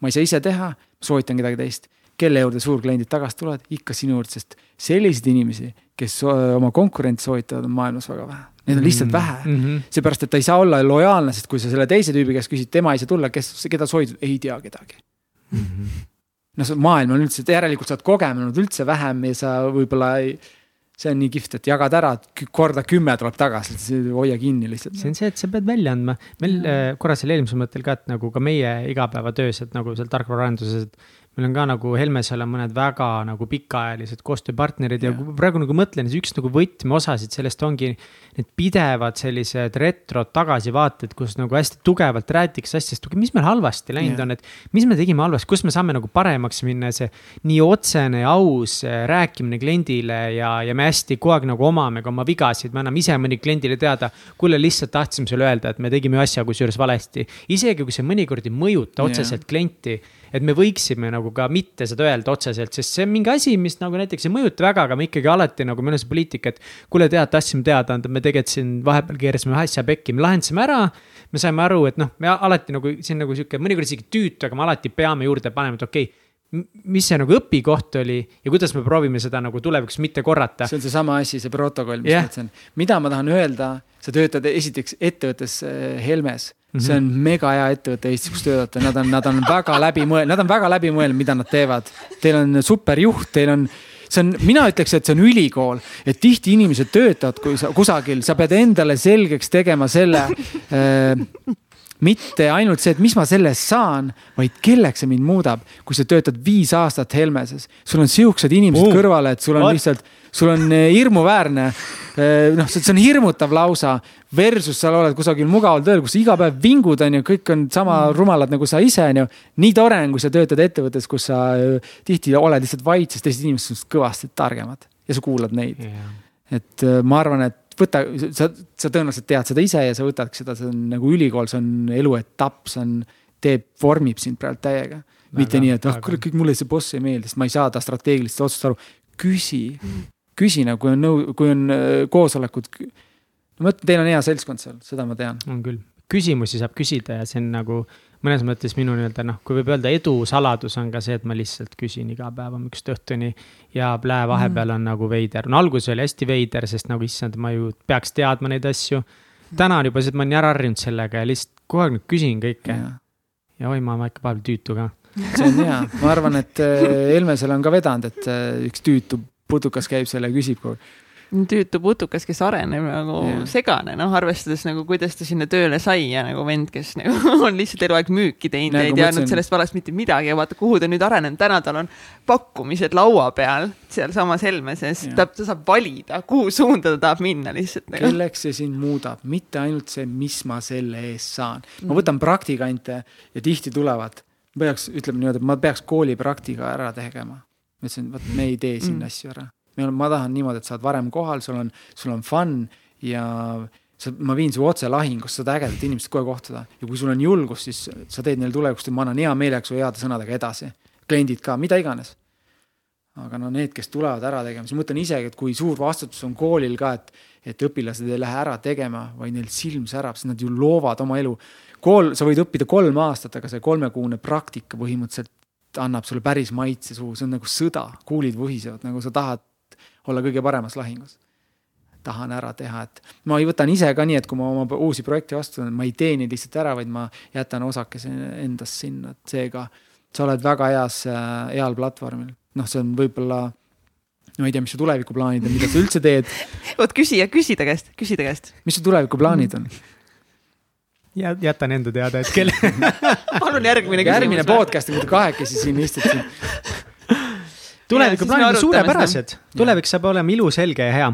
antud Hel poliitiliselt oleks õige vastata, et nende teadmistega, mis mul hetkel on, on minu plaan see, aga homme võib see kõik muutuda. võib küll. ja jumal tänatud, kui muutub, et jah, nii on, nii on, et sa ei, inimesed peavad õppima armastama seda, mida nad teevad, mitte otsima ainult seda, mida nad armastavad, et jubedalt mm. otsida ükskord, keegi tuleb, koputab ukse peal, pakub mulle super võimalust ma, ma teen oma tööd niimoodi, et kui, kui, kui sa küsid, mida ma tahan tulevikus saavutada, teha, siis ma tahan teha sama asja. aga ma tahan, et mul oleks selle endaga kohtumiseks veel rohkem aega. ma tahan, et ma saaks äh, võtta nädala, üle nädala oma perega ja olla seal sees ka üksi, olla noh, oma perega. vot see on, vot see on luksus ja mitte see, et ma pean tegema mingeid asju, mida on tore ka teha, ägedad kliendid, nagu ma kõik välja tõin. ikkagi kui ma bussi alla jääks, siis, siis läheb paar, läheb natuke aega, on vaikus, et. selle suurepärase mõttega äkki ongi aeg hakata välgutama meil täna õhtul. me läheme sinna, meie saate lõpus on välkküsimused meie saatekülalistele ja võib-olla sa oled mõnda kuulnud. minu esimene välkküsimus kõlab sulle järgnevalt, kallis Mardu kas sul on olulisi rutiine või harjumusi, mida sa teed igapäevaselt või iganädalaselt? Nonii, nüüd Mart ütleb ei ole ühe sõnaga pean vastama. ei pea. ühe sõnaga, jah, palun ma, ma igapäevaselt veedan aega iseendaga, hommikul ühe asja, teen mingi viisteist, kakskümmend minutit. Kas see on siis meditatsioon või ma loen midagi ja sinna alati tuleb sihuke väike analüüs, see on nii äge, see on parim asi, proovige. esimesed eh, paar kuud täielik tõrge, sest see ei ole mugav koht. kas sa ärkad iga päev samal ajal või? sarnaselt jaa. mis kell sa ärkad? ma tahaks ärgata järjest äh, varem, aga ma ei ole siin elus üksi, siis äh, oma elukaaslasega tihti, mul on mingid päevad, kus ma võin varem ärgata ja mingid päevad siis natuke hiljem, aga see on alati enne pool kaheksat kindlasti, pigem seitse. mulle meeldib see värskus, hommikuvärskus ja mul hommikul paistab alati päike kööki sisse, sest on terve sein on täis, mulle meeldib seal istuda ja, ja iseendaga aega veeta, aga ma arvestan oma teise poolega alati. ja mingi füüsiline tegevus. ja mul on üks asi, mis on võib-olla natuke pikem vastus, on äh, tundetabel, kuhu ma panen oma mingid asjad, mida ma teen, et kui ma. tundetabel kohe. tundetabel jah, tundetabel, seal on kolm tulpa, üks on see, et kui ma midagi teen, siis esimeses on kirjas, kui ma midagi teen, siis äh, kui ma millegile mõtlen, kuidas ma tunnen. teine tulp on, kui ma seda teen, kuidas ma tunnen hmm.. ja siis kolmas on, äh, kuhu see mind viib ma toon näite, siis korra olin, mõtlen nii, et kui mul on hästi pingne äritöö või äri mingi, mul on mingi pildistamine ja siis pärast on mul vaba hetk. nagu Mihkli puhul oli see, et sa vaatad Youtube'i on ju. siis mõtled, õhtul on minu hetk, vaatan oma asju, mõtled kümnest, kümme siis hindad esimeses tabelis osas. kümme, see on minu hetk, vaatan, mõte läheb ära, vaatan seda Youtube'i videot on ju sinu puhul. siis, kui ma seda teen, kuidas ma tunnen, mõte lähebki ära. kümnest kümme, mul on nii hea seal olla. kuhu see elus viib? Võib-olla kümnest, ütleme, et sa oledki, otsid mingeid uudiseid ja otsid teemasid, millest siin podcast'is rääkida. no siis kümnest neli kindlasti. no ma toon nüüd näite, et näiteks ma iga hommik loen ingliskeelset kirjandust, et paremini teksti omastada ja rääkida paremini. kas ma nüüd, kui sa küsid mu õelapse käest, et iga hommik pead lugema, siis tema ütleb kümnest, no nii, kolm. et pean õhtul lugema, no kolm. kui ta loeb, kuidas tunned, tegelikult on päris huvitav tekst, neli. aga kuhu see viib? Kümnest kümme, see on sihuke tundetabel, ma panen oma uusi oskusi sinna sisse ja ma päriselt joonistan tundetabelit. kuidas ma tunnen, kui ma mõtlen wow., kuidas ma tunnen, kui ma teen ja kuhu see mind viib. mõni kriitiline inimene võiks öelda kohe, et elu pole üldse siis nauditav ju. ei, aga tee selline diskussioon ja see on jumala okei okay,, et mõni asi viib sind elus kümnest kaks, sest see ongi sinu see meelelahutus, mida sa, mida sul meeldib täiega teha, teha ja see on üks asi, mida ma harrastan igapäevaselt ja vahel ma teen sellega endale täiega haiget, sest ma näen, saan aru, et mul on nagu armee täiesti vales kohas jälle, et miks, miks ma tegelen mingi asjaga, mis tegelikult, aga mulle meeldib ka seda teha. vaat see on üks rutiin. tund-. Amazing. tundetabel. ma kirjutasin ülesse. mul on vihikud täis neid tundetabeleid, sest kui see, noh, see võtab terve lehe ära siis peab, üks hetk ma pean neid hakkama vihikuid põletama, sest kui need prügis kellelegi kätte jõuavad, siis mõtled, mis sellel venel viga on, see on ravimid või? Need sa pead just säilitama tulevikul, inimesed saavad hakata analüüsima sind, vaata seda ei ole küll vaja, see on õnnetus. milles sa väga hea ei ole? valetamises. issand, mis mu kolmas küsimus on äh,? mille üle sa oled kõige uhkem oma elus mm.? Ma olen, oh jumal, ma olen uhke selle üle. Ehm, et kõik need takistused ja kõik need asjad, mis mu ellu on tulnud, ma nagu uhkusega kõik läbikukkumised olen analüüsinud läbi. Ehm, ma näen seda ise oma liigikaaslastelt, et tihti ei taheta seda teha, et julge ja ole uhke selle üle, et ka oma nii-öelda oma selles story telling us, seal on alati mingid apsud, ka nendest rääkida, õpi neid nagu, omanda nad ära. et, et keegi ei taha ainult highlight'e kuulda, üks story muutub põnevaks siis, kui seal nagu mängufilmis, et peategelane peab peksa saama korralikult. seega ma olen uhke selle üle, et äh, ma olen tegelenud selle story telling uga ja, ja, ja mulle äh, ma julgen ka mehena öelda, et vahel mul ongi halb tuju ja tulebki pisarsilm, midagi ei ole teha, see on jumala okei okay.. see see oskus, mis tuli peale, siis seda, seda ei näe väga tihti, aga, aga ikkagi silma saab märjaks ikka vahel. sihuke mõte, uhkus. nii positiivne sõna nagu uhkus, ma tõin nagu võib-olla negatiivse näite, aga minu jaoks ei ole negatiivne. see oli ideaalne näide. mis on kõige pöörasem asi, mis sa elus teinud oled ja kas sa teeksid seda uuesti?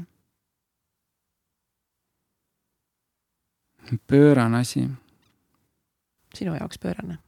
mul on üks pöörane asi, mida mis ma jagaks, äh, on spordist. Äh, et kas see näitab inimese nagu mindset ja võimekust, et äh, me põgusalt, kui me kohtusime, siis ma rääkisin sellest, et ma olin Saksamaal võistlustel ja esimeses matšis M-, MCL-i rebend ma ei tea seda, no see, sul ei ole ju seda MRT kaasas seal on. nii, MCL-i rebend on mis asi? see on üks BCL, MC, välise ristside. et pärast tuli välja, et üheksakümmend, ta oli nagu niidiga kinni veel jala, jalal? jah, põlvel, põlvel on ristsidemed, siis üks neist on MCL on, BCL on, ACL on äh, no ma tõenäoliselt mingi põlvespetsialist ütleb, sa ikka ei tea, millest sa räägid, aga tegelikult ma tean BCL-i, MCL-i rebend oli mm. -hmm. ja, ja plõks käis ära, ta algul käib sihuke nagu harjavars nagu murduks onju, aga valu koheselt ei tule, sest sinna jookseb vesi alles hiljem ümber.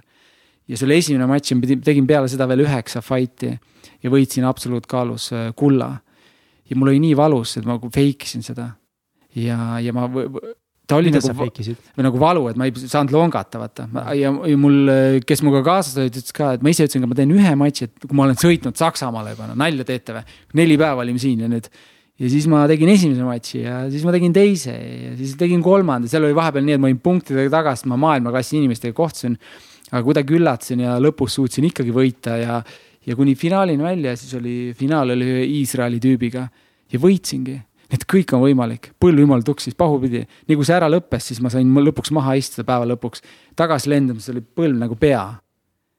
ja siis mõtlesin, täiesti idiootsus.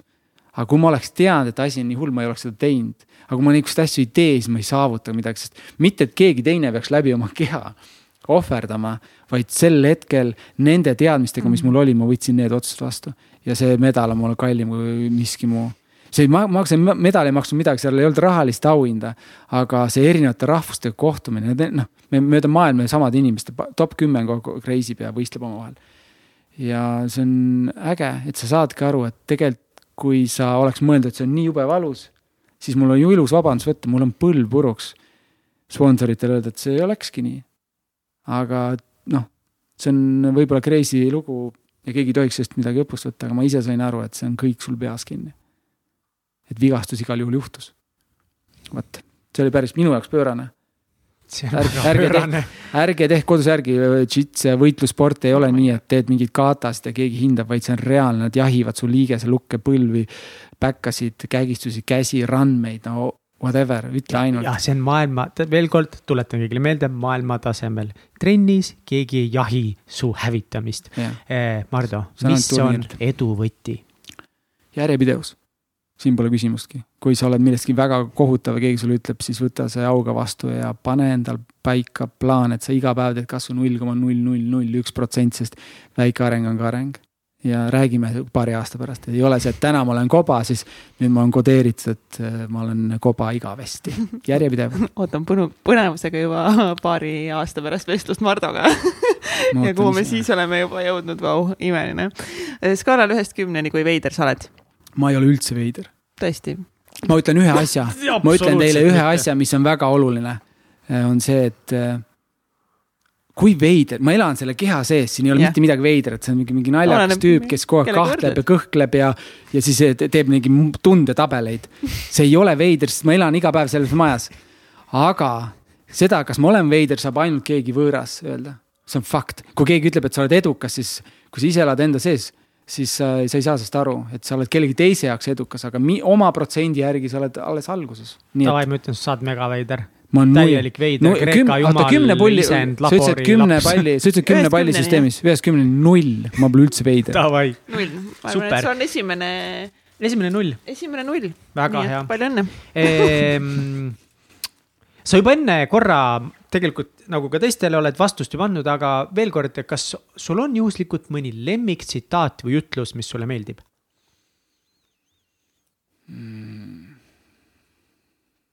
no ma pean ennast kordama, sest Mm -hmm. see on minu meelest nii hästi öeldud, et äh, kõik probleemid, mis on lahendatud rahaga, ei ole probleemid, saage rahaga sõbraks, saage aru, et et isegi, kas sa saad parkimistrahvi või pead maksma autoremondi peale viis tuhat, kui sa selle ära teed, saad parem inimene, sa õpid lihtsalt raha välja andma, selle edu taga on see, et märka, anna, vaata. see ei ole probleem, probleem on see päriselt, kui sul on midagi katki, kui sul lähedased kaotad lähedase, sul on, see on probleem. enne seda see on tilulilu. jah.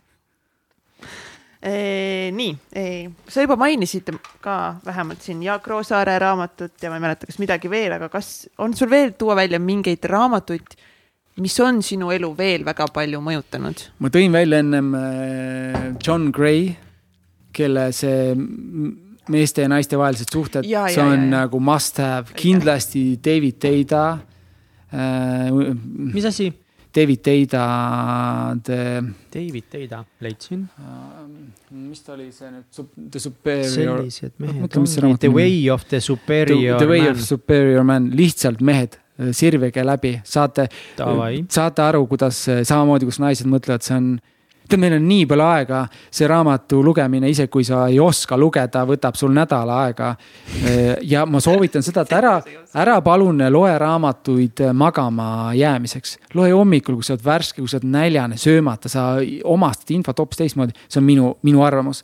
kui sa loed iga õhtu mingi kümme lehte, et magama jääda, nagu tundetabelisse pane selle et see ei tööta või see töötab, aga see, sa tahad kiirendada, ära kuula neljakordse kiirendusega podcast'e, vaid loe raamatuid värske peaga. nii, ühesõnaga äh, meil on nüüd valikus äh, sulle kingituseks siit üks raamat äh, Million Mindseti poolt, üks küll ei ole Million Mindseti poolt, aga sinna kohe jõuame. saad ühe, ühe raamatu valida, mis kõige rohkem siis praegu võiks sind puudutada. Hall Elrodi siis Imetee hommik oh., siis minu lemmiku pealkirjaga raamat Mõi-, mõistujutt torujuhtmest torujuhtmest. ei võta kokku ennast, you can do it. kuidas ehitada endale tänapäeva majandustingimustes püsisissetulekut tootev torujuhe? Nad räägivad siis pipeline'ist. nii, siis on tulemuslikkuse kunst sinu konkurentsieelis, on siis Million Mindseti poolt ja eile Tom käis külas ja tõi meile ka oma Elutere Puhhuisti raamatuid. nii et ma annan ka selle sulle üheks valikuks küll ma arvan, et ühtegi halba raamatut ei ole olemas, need on kõik ei. väga head. aga mis kõnetab kohe niimoodi mm,, tahaks seda. millegipärast, millegipärast on mitmeid kordi jõudnud minuni eluterve pohhuisti kuidagi läbi millegi. ma teadsin, et selle, ma nägin ette seda. see on ilus raamat mm. -hmm. aga see ja, ja see sobiks minu raamaturiiulisse nagu rusikas silmaauku. absoluutselt. väga äge. jaa, see on mega kust et... meie kuulajad saavad sinu tegemistel silma peal hoida? minu tegemistel saab silma peal hoida kõigepealt. Kui sa oled huviline visuaali peale, mida ma toodan, siis äh, minu Instagramist, kus ma olen Maardo Männimägi, väga lihtne leida mm., nime kaudu. kindlasti on Stuudio seitsme lehel, kus on, mida ma igapäevaselt teen ja, ja kuna ma trügin siin ise omaenda podcast'i, mille nimeks on One Stage vestlus, kus ma rõhutan, et äh, ma tahan, et inimesed seda vaataks just sellepärast, et kuidas need inimesed, kellega ma räägin, kuidas nad käituvad, kui ma neilt küsin, kuidas nad äh, vaikivad, kuidas nad ehmatavad, kuidas nad. meil on hästi aeglane tempo seal ja, ja mulle see meeldib, et, et kui sul on huvi, vaata üle. muidugi. Youtube'ist YouTube... kõik saated leitavad on kõik... stage ja mis on eriti huvitav, mida võib-olla pole veel näinud, need on kõik mustvalged. jaa, nad on kõik mustvalged, et äh, ükski muu asi ei äh, köidaks tähelepanu kui ainult see info ja kuidas nad seda esitavad. Mustvalge. mulle meeldib. väga ilus, see on, see on imeline uh,. Mardo, Mardo, Mardo, Mardo, Mardo. kurat isegi..., Mardo, noh Äh, ma tahan veel siia sisse kirjutada, siis ma pean.